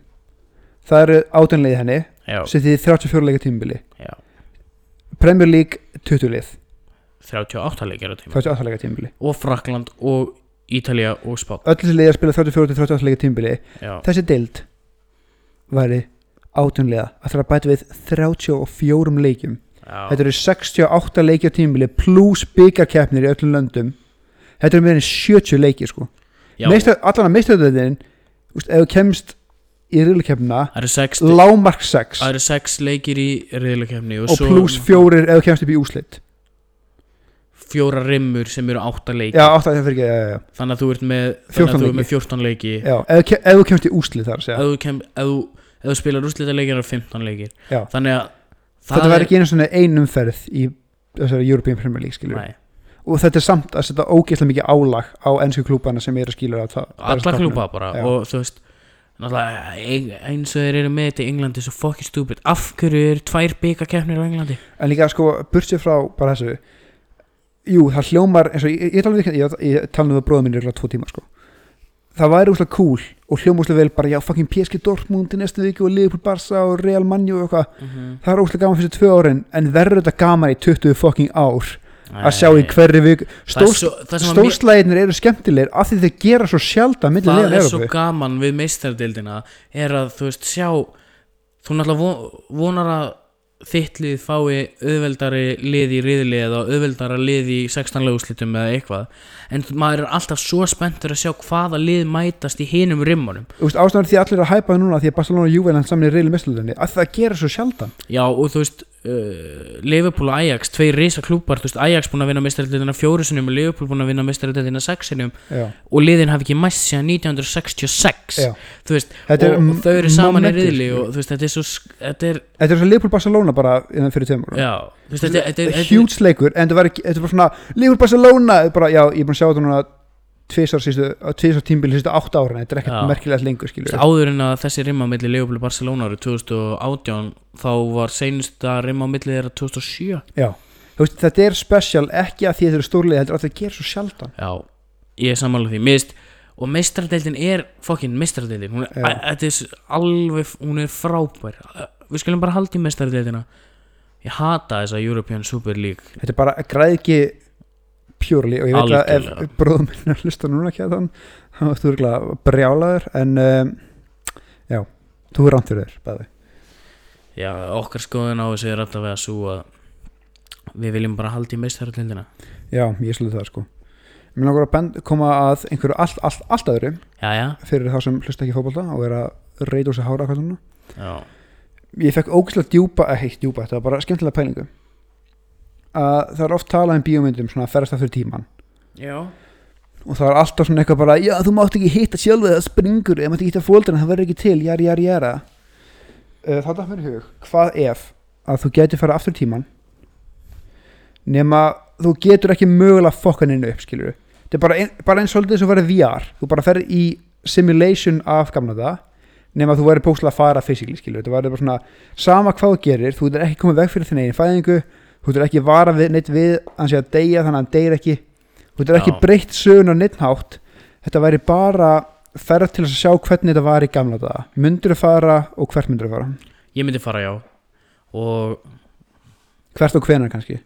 Hvert og hvenar að þið sko, með að hugsa þetta, nokkuð svona henda þess inn á milli bara það er svo mikið að shit sem maður pælir ekki í eins og bara, bara segjum bara 1950 Ísland. Eða þeir þínu fötum fólk er bara, hvað hva, hva, hva, þessi gæði fann klættur er tungumáli eins, skilur, er hver, myndur þú rata eitthvað, myndur þú þekki eitthvað, skilur hvernig, það er svo mikið að smáatur sem maður pælir ekkert í fyrir aftur tíma, tala ekki með fyrir, ég ætla að fara til Róma með einhvern svo píramítuna A, þú myndir ekki skilja neitt B, þú verður klættur svo nortnáttúrulega brendur, skilur, eða eitthvað. Og ætlar bara að labba til Gísa en það er planið, það geggjað. En bara, ef þú er að senda á þau tíman með þína tungumála kunnutu þú myndir klæðið eins og vilt, skilur en þú verður að geta realistikli náði föti ín, skilur já, hvernig, veist, hvert myndir fara og hvenar ég myndi ég myndi fara ég held ég myndi fara svolítið langt aftur í tíman en eins og tungumálið, þetta myndir skilja íslensku? Nei, ég held að ég myndi fara meira sem observer sko. ég held að ég myndi reyna að forðast samskipti og reyna bara meira svona að skoða í kringum mig út af því að sko áður en ég segi hvert og hvenær ég myndi fara þá langar maður að koma því að ég ég hef gríðarlegan áhuga á sögu til dæmis. Ég er ekki nefnilega. Og þú veist, ég myndi ekki fara til Rómaveldis til dæmis og, og, og, og sjá Caligula þú veist, eða, eða Nero eða eitthvað og ég myndi ekki fara og, og fá, mér, fá mér vodka með Ivan the Terrible Mér langar skilurðu. reynda Loki bara í t- fimm mínútur svo Jésu á krossinum bara fact checka skilur já, fakt Ég checka skæði hérna, cool, ok, þetta er rétt þetta er, er true. Um, ég myndi vilja fara þá tilbaka á stað á stund sem að sem að eh, sko ekki sem að heldur sem sko áhorrandi eða, eða bara svona observer frekar heldur en einhver sem að ætti þá að taka þátt í atbyrðinum eða, eða þurfa að uh, þurfa að geta talað við einhvern eða þurfa að geta gert eitthvað heldur myndi ég vilja fá fylgjast með sko. þannig að þú veist fyrsta skipti sem, þú veist, þegar þú pizzaði þetta til mín í gær þá hugsaði ég ég hefði verið til í að sjá þegar að Róm var að brenna. Já, mitt, í, þú veist, hvað var það 33 ár fyrir Krist. Já, ég man ekki hvernig það var sko þetta var um, ég hefði verið til í að sjá þegar að Róm, Róm var að brenna. En ég hugsaði það eins meira og byrja að pæla og Róm var að brenna, akkur myndi ég fara þangað? Þetta þetta er bara eldur. Ú, það sem að ég væri fara ofbalt svona til þess að brunni í London þá er hann getur talað tungumálið. Já, eh, bæði og um, ég er eiginlega alveg búin að ákveða það að ég myndi fara tilbaka og ég veit að þetta hljómar rosalega skrítið en ég myndi fara tilbaka í frönsku byltinguna. Misti ég af okkar viðnáttu að þú tala allir í frönsku eða? því að þú heldur að frakka sér leiðilega að tala ennsku núna nei, ég ætla ekki að tala við neitt sko. Það sem að mig langar ofbáslega að sjá út af því að ég, þú veist, það hafa allir heyrt þessa sögur já, já, þú veist, Robespierre og, og, og Guillotínið og, og Marie Antoinette og, og, og, og Kongurinn og allt þetta þú veist, og, og upprýsa fátakafólksins skilur bara drepur konungsfjölskylduna og tekur yfir landið það sem að mig langar það sem að mig langar ofbúslega að sjá er er hvernig konungsfjölskyldan höndlaði þetta virkilega út af því að það er alltaf sagt að þau földu sig bara já. og voru bara frá mér langar að sjá hvort það hafi verið bara algjörlega andstöðu laus sko já. og út af því að ég er búinn að lesa svo mikið og horfa svo mikið um fransku byltinguna að veist, þessu er líst sem náttúrulega bara borgarar styrjöld eins og við myndum þekkja hana í dag. Frakkar er mjög góður í. Já. Um, En út af því að veist 99% af fransku þjóðinni þá átti ekki bót fyrir raskati á Jöp. þú veist, þau gáttu ekki borðað þau gáttu ekki fóðra börni sín þú veist mér langar að sjá hvernig þau fóru að þessu hvort þetta hafi verið svona anspinnulegst og þá af hverju? Bara fá að fylgjast með. Út af því, út af því að í sögunni þá hefur aldrei náttúrulega fyrir utan þegar að þegar að Rómanofjölskyldan loksins fellur í Rúslandi þá hefur aldrei verið svona rosalegt overthrow næstu því anspyrnu laust eða svona virðist í sögunni eins og hún er sögð í dag vera anspyrnu laus að miklu leiti anspyrna út af því að sko herin er sagður hafa joinað. Já, herin og þeir sem átt að vernda konungsfjölskylduna er sagður hafa joinað byltinguna á einhverjum tímapunkti. Jöp. Og það, að, þú veist, það var bara eitthvað gæi sem að ákvað bara, heyrðu, ég er með þessa maskínu hérna og við ætlum bara að skera hausin af öllum sem eru ósamal okkur. Og, kann með þetta hugsun báði. já. Ég er með miklu meira leimsa en þú ég hefur að það. En þú veist, mér, þú veist, þetta er svona þetta er svona þetta er svona ég íti glerugunum upp nefið og, og, og svara þessu. En svo væri ég líka mjög til í að fara tilbaka á Istanbul 2005 þegar Leopold vinnur meistaradeildin eftir að vera 300 lundir í hálfleik. Sko, mitt fyrsta impulsu var með nokkuð fráttuð tíman og það er ekki mitt fyrsta, eitt af þið var að þú veist hvað fói graða er það ekki? Andarlegur sem er bara pinta endunar finna fyrsta gæðan sem var að því og spyrja bara gaur, af, af hverju? Fá það lambasteik hún er búið. Nei, það er svona realistík svari, sko, ég menn nokkuð sögur þessu þegar þetta er sem mörg tækifæri fengi. Fyrsta, ef, mín fyrsta hugsun var mér, lang, mér, langar ekki að fara neitt tilbaka í önnur lönd. Ég var til að fara Reykjavík annarkvæm 1950 uh, svona 1900 og hvað ég segja 80 eða 90 einfjöldum ástæðum mér langar að sjá Reykjavík 50 eftirstýrsárin þegar var alltaf booming skilur við Já, ég er enda sammála því. Langar að sjá bara að því að, að, því að tungumáli hefur ekki breyst það mikið, ég get ennþá rætti fólk. Ég væri reyndar alveg til í að segja það líka. Mér langar að labba um miðbæðin sem var þá mér langar að sjá hvernig þetta var skilur og veist, hvernig fólk liði og sjá bara svona aðeins veist, ég var að segja, herun á landinu og bara sjá stefninguna mér langar að fara til 80-90 mér langar að sjá mína afa og mömmu og pappa unga mm -hmm. að því að fóldarmann sér alltaf bara já við vorum frábær og mér langar að sjá bara þau mölvuð á Já. að hans en eitthvað skilur bara og spjalla hans við bara hei Ég væri reyndar alveg hrikalega mikið til í að sjá ekki endilega bara eftirstrísaðurinn sko. ég væri til í að sjá Ísland á meðan að setni heimstyrildin var í gangi ég það, það, það, það, þann tíma á Íslandi hvernig við fungerum sko. en síðan hitt er hitt impulsum þetta er, mér langar frá þetta tíman á alla stærsta tónleikana sjá Stones, sjá einmitt þú veist, Dire Straits in their prime, fara á Woodstock fara skilur á Woodstock sko. af því að það var hitt hugin hugsa mín að fara bara að djama með fucking raskat en að komast inn í Playboy Mansion skilur mæti einhvern góð party bara. Þú veist það, þú ætti ekki að tala þú getur komið eftir að þú bara joina skilur ég væri reyndar og, ógisla til í bæði Woodstock árið hvað er 69 ég væri til í Live 8 85 já, nákvæmlega. Sjá Queen djamaði Mercury bro. Sæll. En um, ég fór ekki sem, nákvæmlega ekki að sjá históri ég langar að upplega eitthvað, mér langar ekki að sjá. Mér langar nefnilega að sjá. En ég væri líka til í að upplifa eitthvað sko. ég væri til dæmis til í að fara og sjá Guns N' Roses þegar þeir voru upp á sitt besta. Já svo bara ég væri til í að sjá Led Zeppelin Mæta á- áður en að John, John Bonham dó. Mæta á svona fyrir tónleikar líka bara NWA skiluru og já, vá, ræjutið bara. Já, ok, ég væri til í ég sko, ef við erum að fara í þá áttina þá væri ég til í að sjá Zeppelin svona 71 Ú. ja, með, með, Guður, Pink Floyd gefa út fucking Dark Side eða Wish You Were Here? Já. Ég Þetta er ég foreplay fyrir næsta þátt sem verður tónlistatháttur já, við ætlum að taka heilan þátt í að tala um tónlist og það verður gestur í fyrsta skipti. Og það, það verður gestur og þetta verður basically monolog með þeirra tveggja því ég veit ekki jack shit um tónlist. Þú mátt alveg segja eitthvað. Um, já, ég væri til í að sjá Zeppelin með John Bonham á, á trómanum blessa sér minning hans. Já, hann, sko hann fór út á sem hetulegan hátt að mínum að hann er besti trómar allar tíma. Það var. Já, og hvað drukki þess að fucking fíl love it. Já, þess að áfengislevelið í blóðin hans þegar hann dó var þrýr þrý, þrís og sinnum sem sagt magnið sem á að geta drepið þig. Já, nákvæmlega, um, fucking höfðingi. hann deyr 1980 á því herrans ári. Já. sama ár og John Lennon deyr eða ekki? Mm, ég vana ekki sko. en uh, svona, ég með eitt svona fljóta millipunkt á hann kemur aðalpunktum mínum. Ok, uh, mér langar aðeins að heyra ef einhver eldur kynnslóðin sem er að hlusta á okkur. Mér langar að dispella þetta mið að ungt fólk hefur það svo miklu betri í dag. Þetta seging já.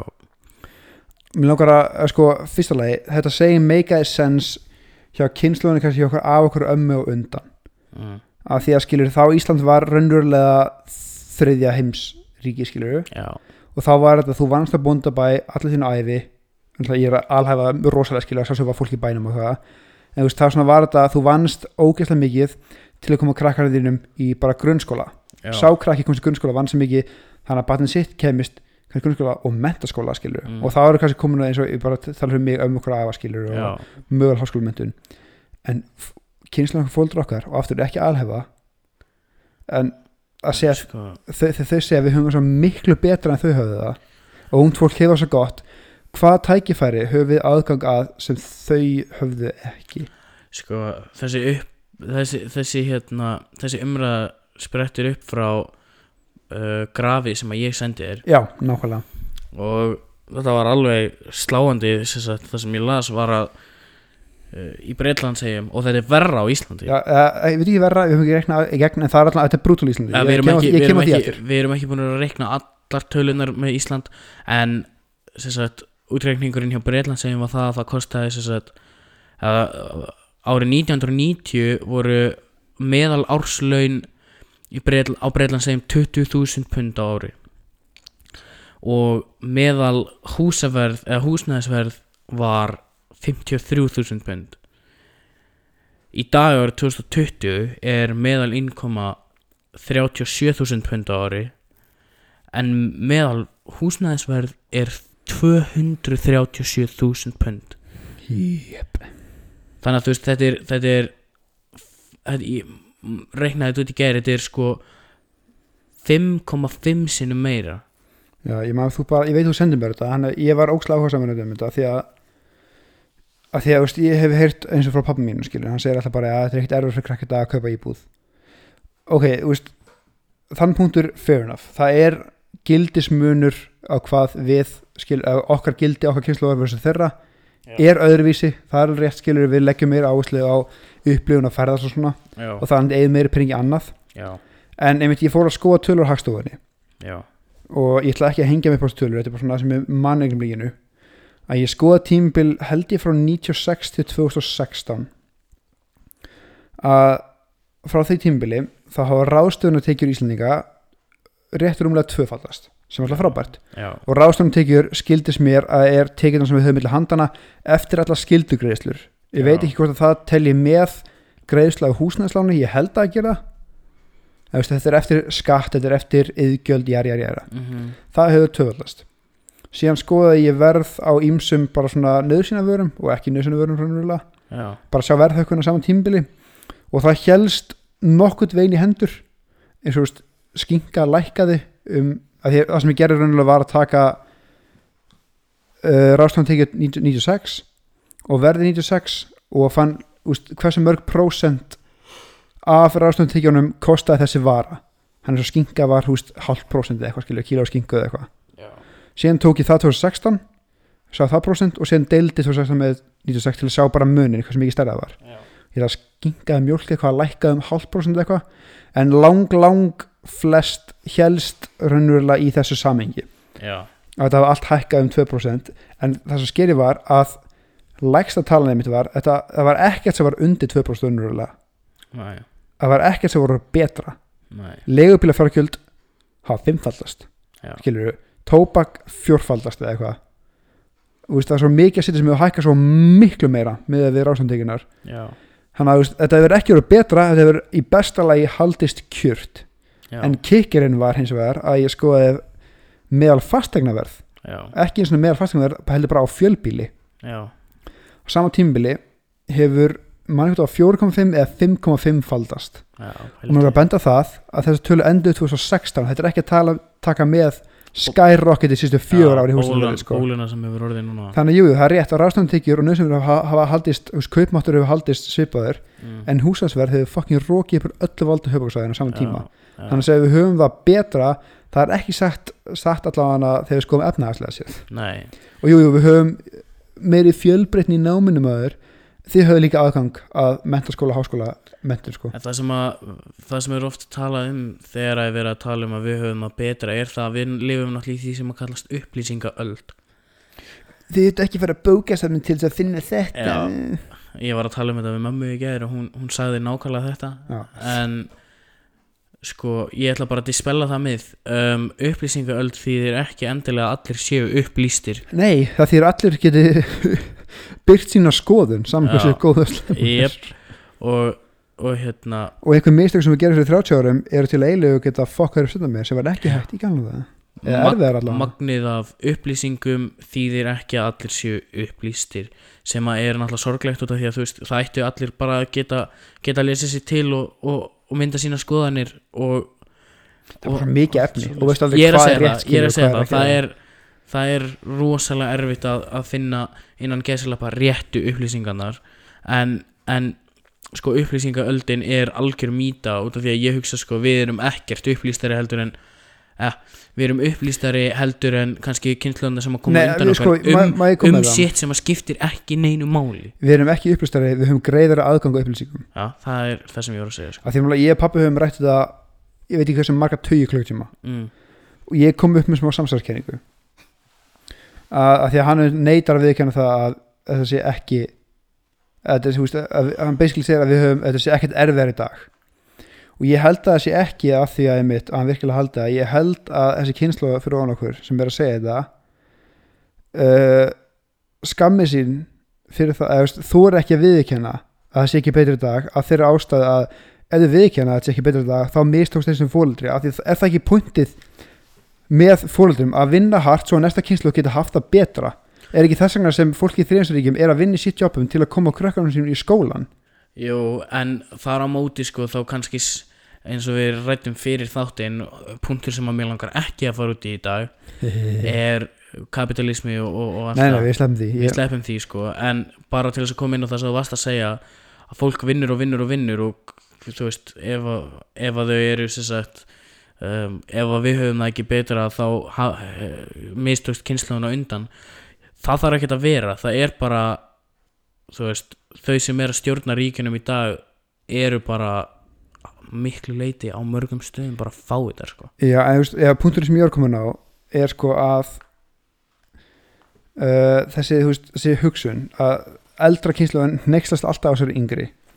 Alltaf þið hafði miklu betra þið hafði miklu betri í dag er það ekki pointi, skilur veist, vilt þú að krakkarnir gangi gegn sömu erfiðleika og þú þurftur að gera ég held að það sé verið að segja þetta út af því að við erum rosalega duglega að kvarta sko. Ok, svo voru það allir gænslega það alveg, alveg öruglega sko. En þau hafa líka fengið að heyra þetta sko. Ég sé það. og málega, það er líka eh, stóra punktur mínir, ég held nefnilega þetta ungt fólk hefur betur en ekki slappa Mm. sé legacy saying. Já, að því leiti að þetta var sagt við krakka þegar það var actually satt. Já, að þegar fóðaldrið komst aldrei í skóla, vann sem móður til að koma þér í skóla og betra kerfiskilu þá bókslega hefur kynsluðu betra. Það, ég vil meina að það hafi ekkert mikið betri dag sko. mig, ekkert endilega. En þetta er bara stuðt út úr bara á það. En síðasta var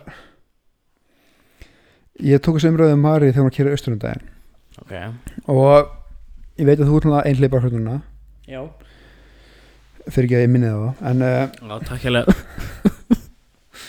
Ég vil bara einhver elski mig.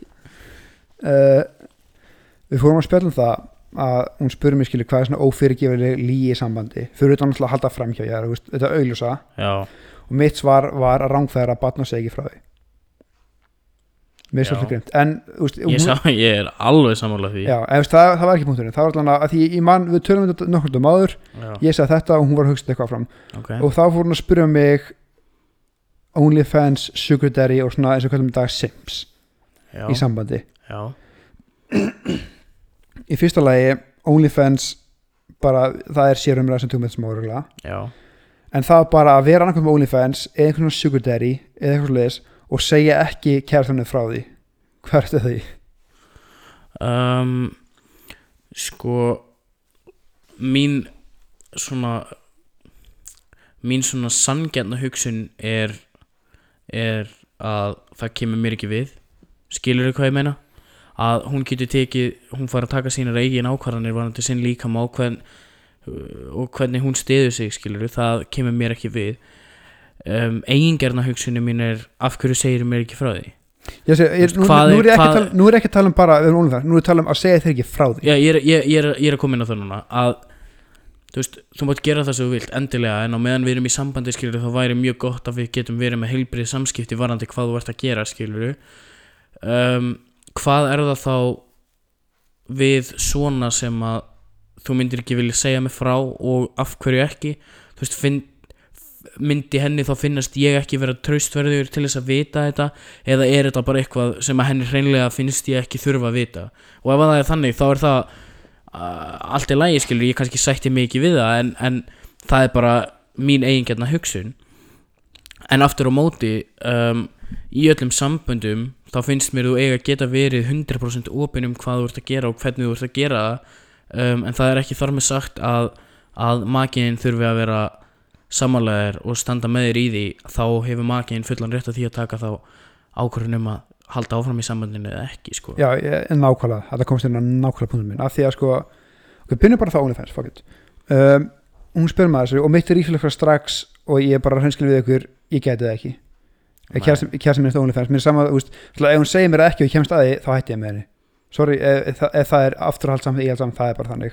Mm. að það er bara blatant Þér finnst það að vera að brota þínu trösti Já, Ok, en þú veist þessu að skal ég segja þér uh, vera með OnlyFans. Ég veit ekki Mm. hverju ég er með það.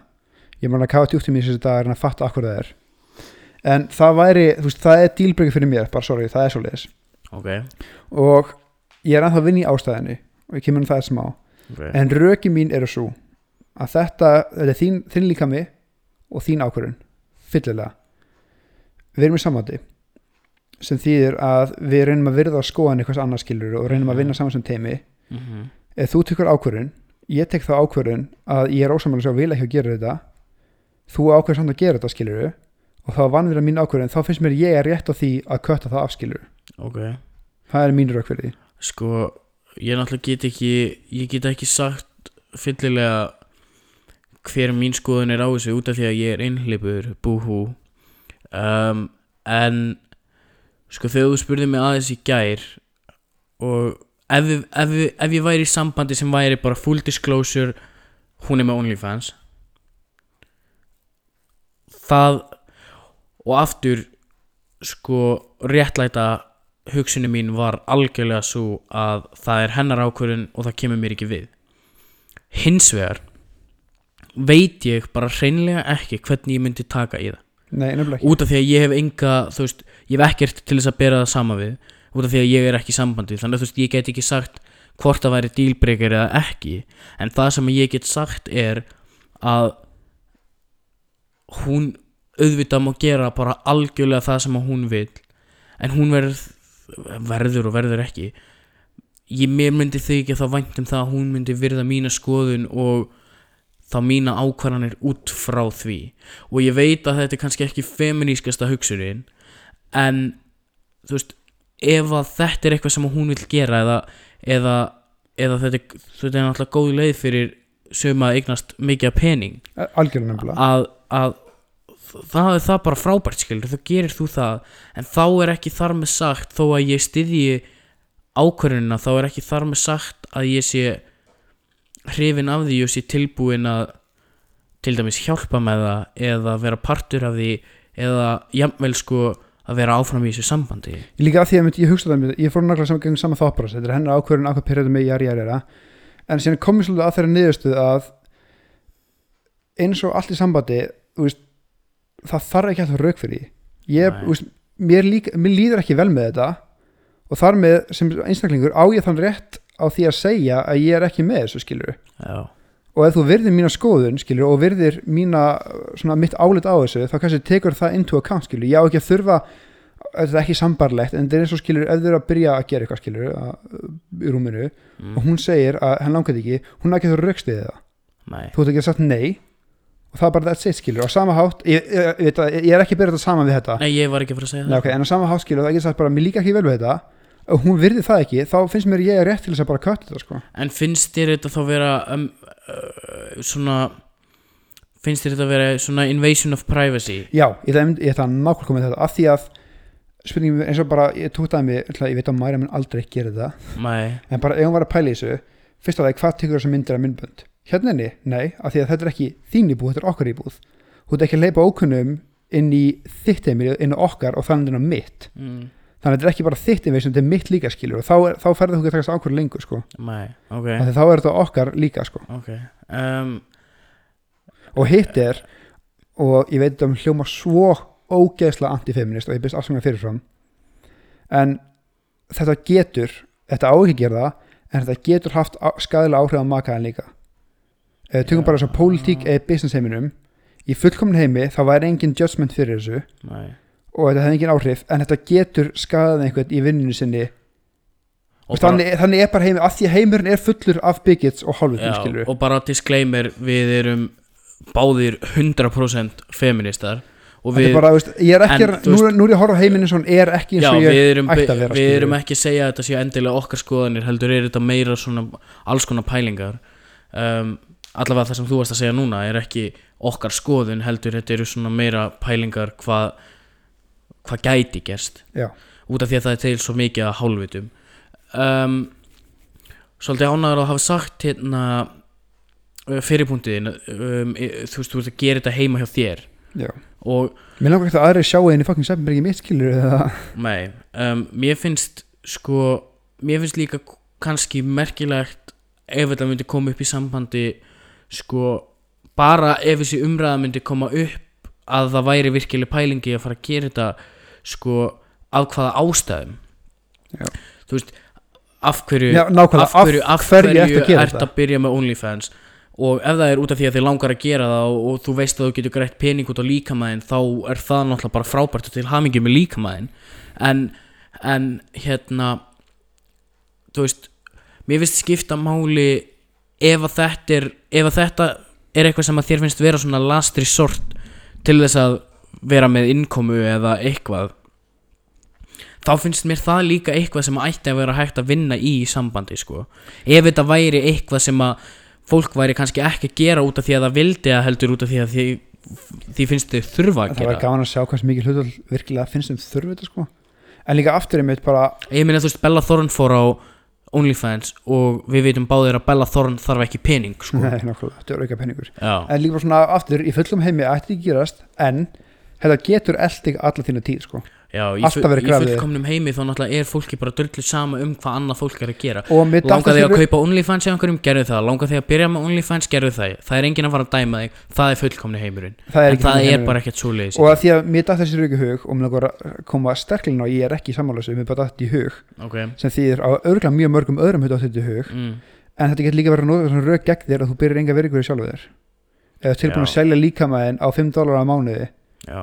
að þú byrjar enga verið sjálfur þér eða tilbúin að Já. selja líkamæðin á 5 dólar á mánuði já Sem Hvað er, er- og ég, ég veit að þér dætti í hug og ég veit að þú ert ekki sammála þessu já. Þú veist, það að þú sért í klámi eða, ég, eða sért ég með businessmaður Já, já, það að þú sért í klámi eða það að þú sért með OnlyFans þýðir ekki það að þú byrjar ekki virðingu fyrir sjálfur eða virðingu fyrir líkamanniðinum því að oft er þetta ég get grætt pening á líkamannum mínum af hverju ekki að gera það þannig ég skil það fullkomlega en ég skil líka þessa pælingu sko Já. að það eru fáiðar sem að myndi hugsa svoleiðis býtu hvaða byrðinga virðingu fyrir sjálfur eða akkur er þetta að þessu?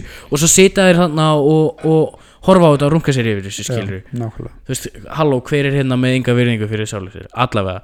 Um, þetta er þetta er mjög áhugaverð pæling líka vegna þess að það er svo óbúslega ofta talað um það í ekki bara í klámi eða OnlyFans heldur líka bara þegar að leikonur eða leikarar í bíómyndum eru nakin í bíómyndum. Bara hvað, akkur tókstu þetta þetta hlutverk, berðu enga virðingu fyrir sjálfur þér eða? Akkur varstu berbrjóstæðir og þú veist eh, þetta er bara, þetta er bara heimurinn er bara fullur af fáitum sem að hugsa svona og setja svona á netið og þetta getur virkilega sært tilfinningar og skadað jafnvel ferla sko. Já, og líka sko, ok, erum bara alveg hreinskilin þetta og þá var líka alveg smá impuls og aftur þetta mun hljóma úkslega sexist. En minn hugslíku var bara pínu þetta er, it's my girl, skilur, þetta er stelpa mín þetta er kærasta mín, já, ég vil ekkert að uh, já, þú vilt ekki those are að my titties, ég vil ekkert að ég, ég, ég, ég, veit ekki hvað perri sem er getur kipt aðgang á þessu skilur og cyberstólkað og er með derring og sko, já, ég veit, þetta er ógeðslega backwards og gamaldags og kallmennskala, ég veit alveg. Ég veit, ég En- skil þessa hugsun samt þú veist, þið eruð í uh, committed sambandi og ykkur kannski finnst þið hafa svolítið réttin á hvort öðru eða skilur Já, nákvæmlega. Ég skil þá hugsun sko en náttúrulega við viljum reyna, við ekki viljum reyna að hvetja til þess að fólk fái að taka þær ákvarðanir sem það vill. En ég skil alveg fullkomlega að það er tvær manneskjur eru í sambandi að það sé svona pínu þeim finnst þau vera með pínu eignarétt á hvort öðru Ég, er bara, úst, já, ég er ekki stoltar af þessari refleksi en ég var að ljúga ef ég myndi að segja að þetta hef ekki komið upp Nei, en á skil sama þig. hátt að ég fann mér ristórt snákatatú yfir hálsin og yfir upp á kynnaður upp á enni skilur já, þetta er minn líka mitt, þetta er mitt val að gera þetta. En þetta gæti reflektað illa á hana. Já, og hún er ekki hrifin á þessu skilur þá er hún líka fullrætt að hætta mér. Og ég er ekki að bera saman tatú við þetta skilur nei. En sömur ekki gilda, minn líka mig mín ákvörðun, mm og fylgjum heimi ætti ég ekki að falla, úst, vera fyrir dómi fyrir þetta skilur en ég væri það. Já, þannig að við finnst það svona, veist, ef ég myndi gera það þá myndi ég skilja fullkomlega með hættum með mér. Já já, þú myndir skilja það í því þú myndir, þú, myndir, þú myndir skilja það fullkomlega í þínu sambandi sko. já, já, nákvæmlega Já, þannig að en, en það er náttúrulega eins, þau eru eins mismunandi og þau það er eru ekki að mörg mæti fokkin sko. ástöndi kennara með gæja með sko hakakross á enninu sko ekki. Um, þannig að já sko bara um, að þessi umræðu um OnlyFans í samböndum og svona og ég séð rosalega mikið af af svona viral Twitter postum þar sem að stelpur eða strákar eða, eða, eða þú veist bara hvaða kyn sem er um, uh, bara, bara fólk við skulum bara nota það orð. Þegar að fólk er að posta á netið og tala um að makinn sinn sé sér sagt að styðja fólk í þeim ákvörðunum að byrja með OnlyFans til dæmis. Og ég sé þess að posta oft út af því að þú veist þau eru kannski með svona postar fá kannski 20.000 til 120.000 eða 200.000 likes á Twitter sko. Mm þannig að svona inevitably þá sér maður þetta. Og mér finnst það alltaf frábært þegar að þú veist fólk er í sambandi og og getur stutt hvort annað svona rosalega Já, mikið í gegnum allt að því ég veist, sé það, þá er þau bara fair play já og þau eru svona committed og, og, og, og ef við tökum bara dæmi sem samband á milli konu og, og, og kalls að ef að kallin er að hjálpa að taka myndir eða eitthvað svoleiðis veist, og mér finnst það aðdána og ég vil fíla það sjálfur já, og mér finnst, það, finnst það aðdánavert en ég var að ljúga ef ég myndi sita hér og segja að ég gæti það. Ég get hann ekki. Fyrsta að lagi, bara, fyrsta lagi út af því að ég veit ekki hvort ég gæti það ekki. Og í öðru lagi um, ég hef enga reynslu á því. Já, nei, ég er bara að segja skilur að því mitt ef ég gæti að geta það, þú veist að segja, fair play. Þú ert meiri maður en ég og örgar sjálfur skilur já. ég veit bara, ég ætla ekki að ljúga sjálfur og segja ég, að því ég geti því. Ég held líka sko, gott að komst inn á þetta oft þegar að það er kannski þessi, ef við tökum aftur dæmi um, um samband á milli konu og kall að þetta er stundum kannski pínu ef að, ef að kærastæðin er með OnlyFans og þú ert uh, ekki sáttur við það eða whatever heldur það kæm ekki heldur það kemur ekki svolítið við líka hversu mikið sjálfstöðst þú hefur eða hversu mikla trú þú hefur á sjálfu þér? 12% sko finnst þið það ekki svolítið? Þú veist, Að- að- fyrir mig algjörlega já, að þetta, 100% sé, sko. að þetta sé svolítið svona uh, já, er einhver gæði sem subscriber sem er miklu flottar en ég skilur og hún dippar á mig til að vera með honum skilur já Svona- þetta, þetta, er, þetta er svona það sem myndi koma upp í, Já. í, í, í hausina þér já. Já. ég skilði, ok þannig að það, það er kannski finnst og það ekki ég er það ekki- er bara og ég er alls ekki að segja þessi móti pörum sem eru ég er vel saman í þessu eða skilu annað í þessu Já. það er æðislegt skilu, ef þið getur Það það, ég er bara að segja að ég get þetta ekki. Já, maður ég ætla ekki svona þykjast geta þetta sko. Og, og þ- mér finnst þú hafa fullan rétt á að segja það út af því að þú veist við erum eins misjöfn og við erum mörg og þó að þetta komi niður á einhverjum sjálfsáleits á, ástæðum hjá þér eða whatever að þá hefur þú fullan rétt á því að hafa þá skoðun sem að þú hefur? Rétt eins og, það sko. og rétt eins og uh, einhver myndi kannski hafa allt aðra skoðun og, og, og byrja með OnlyFans eða, eða hjálpa ég ætla að segja eitt sem ég ætla ekki að ræða fyrir að koma með rauk fyrir þessu. Ég veit ekki akkur, ég, ég bara, ég ætla að reynskil með okkur öllina. ok, tölum bara honestly þetta ok. Ég ætti auðvöldara með þetta klámstöðnu heldur en að gæla með OnlyFans. Ég ætla bara að segja það hérna. Ég veit ekki af hverju það er Nei. en þegar ég rönna í gegnum hausina á mér ímdrafli, ég ætti alveg auðvöldara með klámstöðnu heldur en OnlyFans.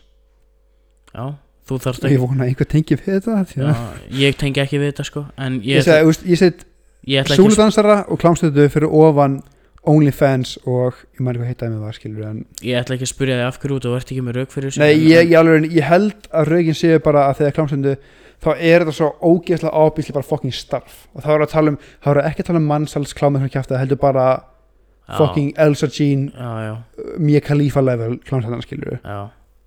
Ok, ég ætla ekki að spyrja þig af hverju ég er ekki sammála.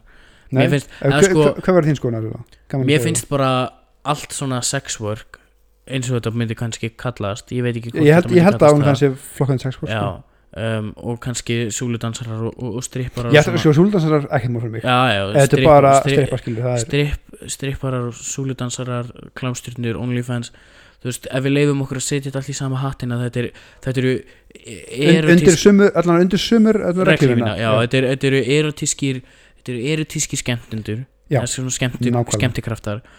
Um, vændiskonur já, það var vændiskonur sem ég ætla að segja.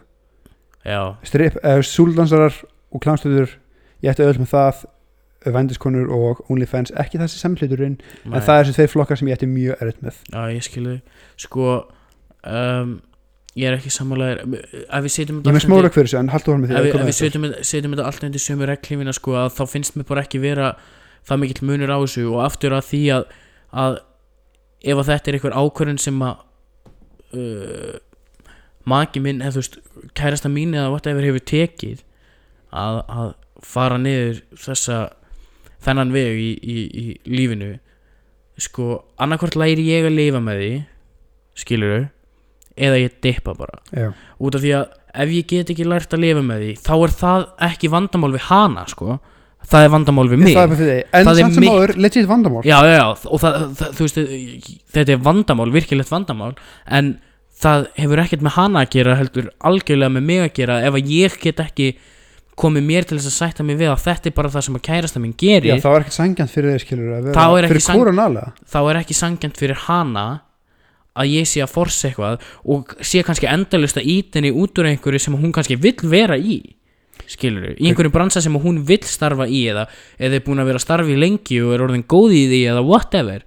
Þetta er eins ef að og ég veit að þetta er asnalegt dæmi en ef að ég ef að ég væri að deyta kennara skilur þú ert að því. Ef að ég var að deyta kennara og ég vildi ekki að hún væri kennari og ég var alltaf að reyna að segja henni að skipta um starfsgrein. Hún myndi ekkert styrk það hún myndi ekkert um það er fokking sko. starfsgrein. Og ef að það væri svo mikið vandamál fyrir mig að hún væri kennari þá myndi ég bara þurfa að hætta með henni. Skilur, ef það myndi bögga mig svona mikið Mér þá svo- er það mitt vandamál. Mér svo finnst þess að við tala um að klámstöðnir og OnlyFans og ég er í sambandi með sko saklist og ljúist af manneski heiminum. Já, Nei, ég ætla að segja sko Marja, hérna- Við elskuðum bæði. Um, Ástæðan fyrir einu röki sem ég hefur raunulega fyrir mér með klámstöður Súlasa versus vændiskonur og OnlyFans er að eða bara tökum klámstöður versus OnlyFans já, og vændiskonur versus skilur Súlasarar mhm, vændiskonur hver sem er getur kefti svona mestu leiti eða upp með náðu mikið pening já, hvað pæri sem er.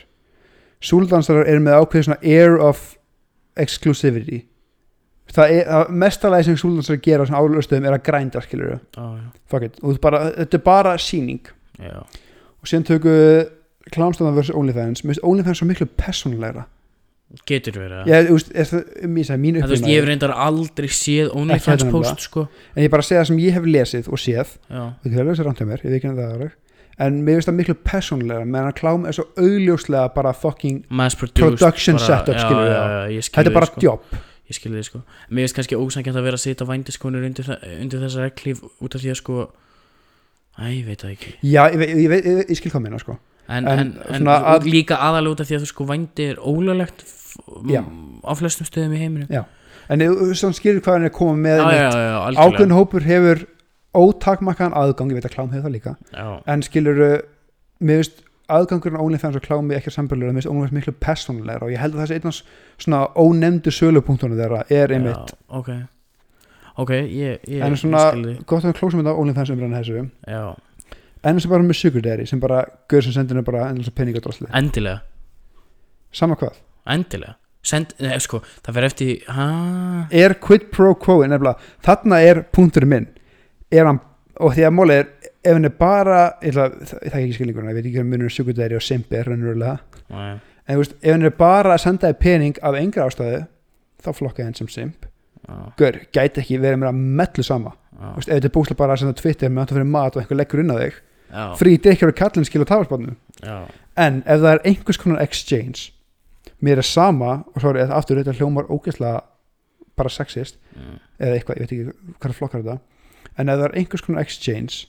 þá strax hika ég að því að þeirra einföldu ástæði að við erum öll mannleg og sama hversu lítið og látt það byrjar þá oftar en ekki vindur þetta upp á sig. Já. Eitthvað sem byrjar sem tá 10 dólarar, löppin 100 dólarar, síðan er þið búið 5.000 dólarar fyrir full body pick ert að fara að segja, úr hvort þið er komin yfir þröskuldin skilur að selja myndir að þér, akkur ekki bara go for the big fucking score? Já, það er líka mitt vandamál og það kemur inn á mitt eigið orgi en það er svona erfitt með ef það er einhvers konar exchange í búið þá finnst mér þetta bara OnlyFans with extra steps. Já, já, en Þannig erum við samt að tala um svo gríðarlega sömmu af peningum oft sko. ég veit það. Og þú veist Segjum líka bara að sem að tala um, þú veist, að kærastæðin hún er kannski örgulega með Instagram. Skilur, það er bara einhver gæi sem að hittar hana upp í Instagram DMs og er bara eitthvað, hvað fallið ég skal senda þér pening, skilur og ef hún þarf ekki að gera neitt geggja það, skilur já, ég segi, ef það ekki Em, neitt, það er fucking fine ef, að, ef hún þarf að senda hann um bikini mynd eða whatever skilur það, er bara hennar ákvörðun. Enn og aftur enn, enn, og, sko. enn og aftur sko, þá er þetta alltaf hennar ákvörðun 100% þó að ég hafi skoðun þá á hún að taka ákvörðun út frá aðalega kannski því sem hún vil gera. Ef hún er tilbúin að hlusta á mína hlið og, og taka ákvörðun út frá því líka þá er það náttúrulega indislega inclusive en, já, en sko her body her choice. Já, sko, þetta líka var bara bikini mynd fyrir 200 skall. Já, bara segjum það, potið einhver nógu geði til að gera þetta já, sko. já, en ef við getum átt umræðu og segja að þetta er bara byggjumynd þetta er eina skipti fyrir pening þá er ég fúst fæn með þitt bara það sem ég hrættu við er að þetta vindrimd upp á sig bara sem fara hálfa miljón fyrir Mm. nektarmynd skilur ertu að fara að segja nei við þá þau eru hvort er maður að selja byggjumyndin á hinna peningin Mm. skilur þar fer ég að svona bara veist af hverju þá ertu aðeins, já, já, peningur? Nákvæmlega. Cash money? Já, en svona, mér, mér finnst það skrítið, ég ætla bara að segja það eins og þér af því að ég ætti ekki að öll með þetta. Mæði mig? Það er bara mín honest to god skoðin því mig kalla mig gamaldags og whatever en það er samt, ég ætla ekki að ljúa sjálf mér af því að það er að vestum að gera sjálf en, en sko, mér finnst bottom line í þessari, á bara allri þessari umræðu vera að hún á að, þetta er hennar ákvörðin algjörlega, en Og þú ert ekki samt að líða hvað sem nei, er nei, nei, en þú, þú, whatever, þú mátt endilega segja þína skoðun. Og ef hún Já. er tilbúin í að taka þína skoðun inn í sína inn í hennar ákvarðanatöku prósesskilur þá er það frábært. En svona í lókdags þá ræður hún algjörlega hvað hún gerir við sinn líkama hvort hún selja myndir á honum eða ekki og það kemur mér uh, ekki við. Það kemur ekki við en þú líka að ræða hvað þú gerir þinn líkama, hvað þú ákveður að labba um höruna ekki sko. já, samanlega því en það er það er sko það er sko bottom line í þessu að, að við sem kallmenn eða við sem makar ættum ekki að stjórna því en við ættum að fá okkar seg já, ná, meðslasluðu samanlega mm. og ef þú fæði þess að segja og hún ákveður ekki núra samt það er eitthvað spurning með ekki sem þú verður bara að díla við innbyrðis já, en sko einhver myndi bara þóla ég persónulega bara fyrir sem ég geti það ekki.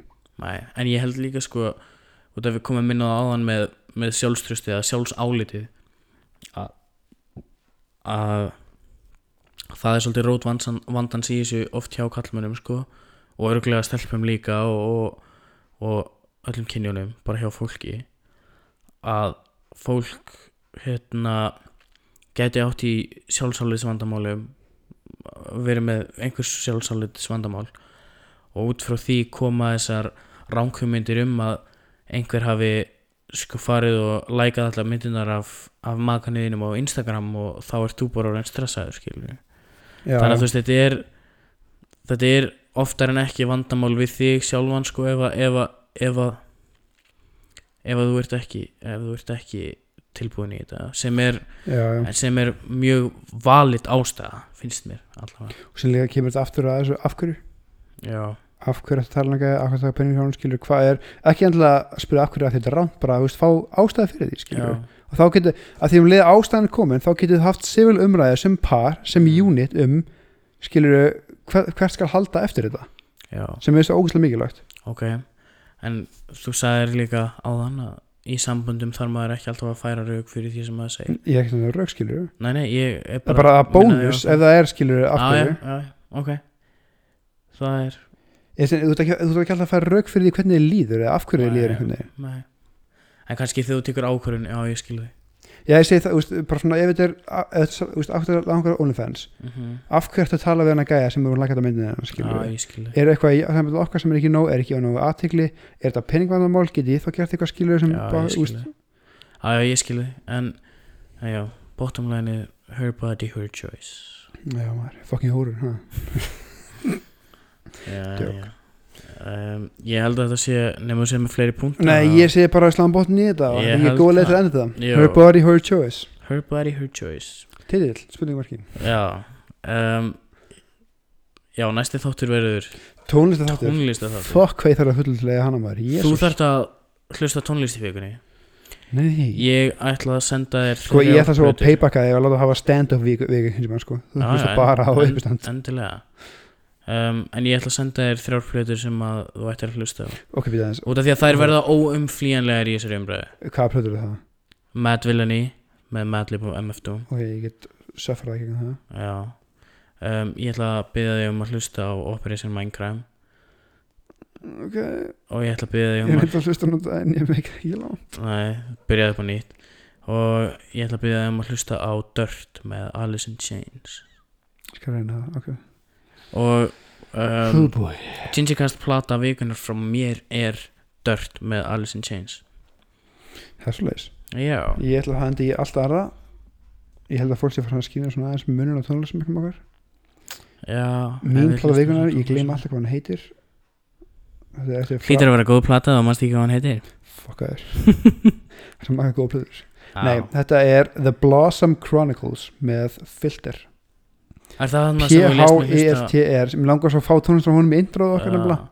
Það eru rugglul, þetta er, þetta er ekki sungið á þessu þetta er bara Já, instrumental og þetta er svona ég segi ekki techno, þetta er bara svona Já, þetta er bara svona tölvuleikja mellow- tónlist, já, ekki, þetta er sko. svona mellow tónlist bara. geggja að læra þetta Já, og ég elska all, öll lögin sem blötu þannig að ég, The Blossom Chronicles með filter, P-H-E-L-T-R Blossom Chronicles er mjög skemmtileg plata. Þú sendir hann á mig einhvern tíma. Yep.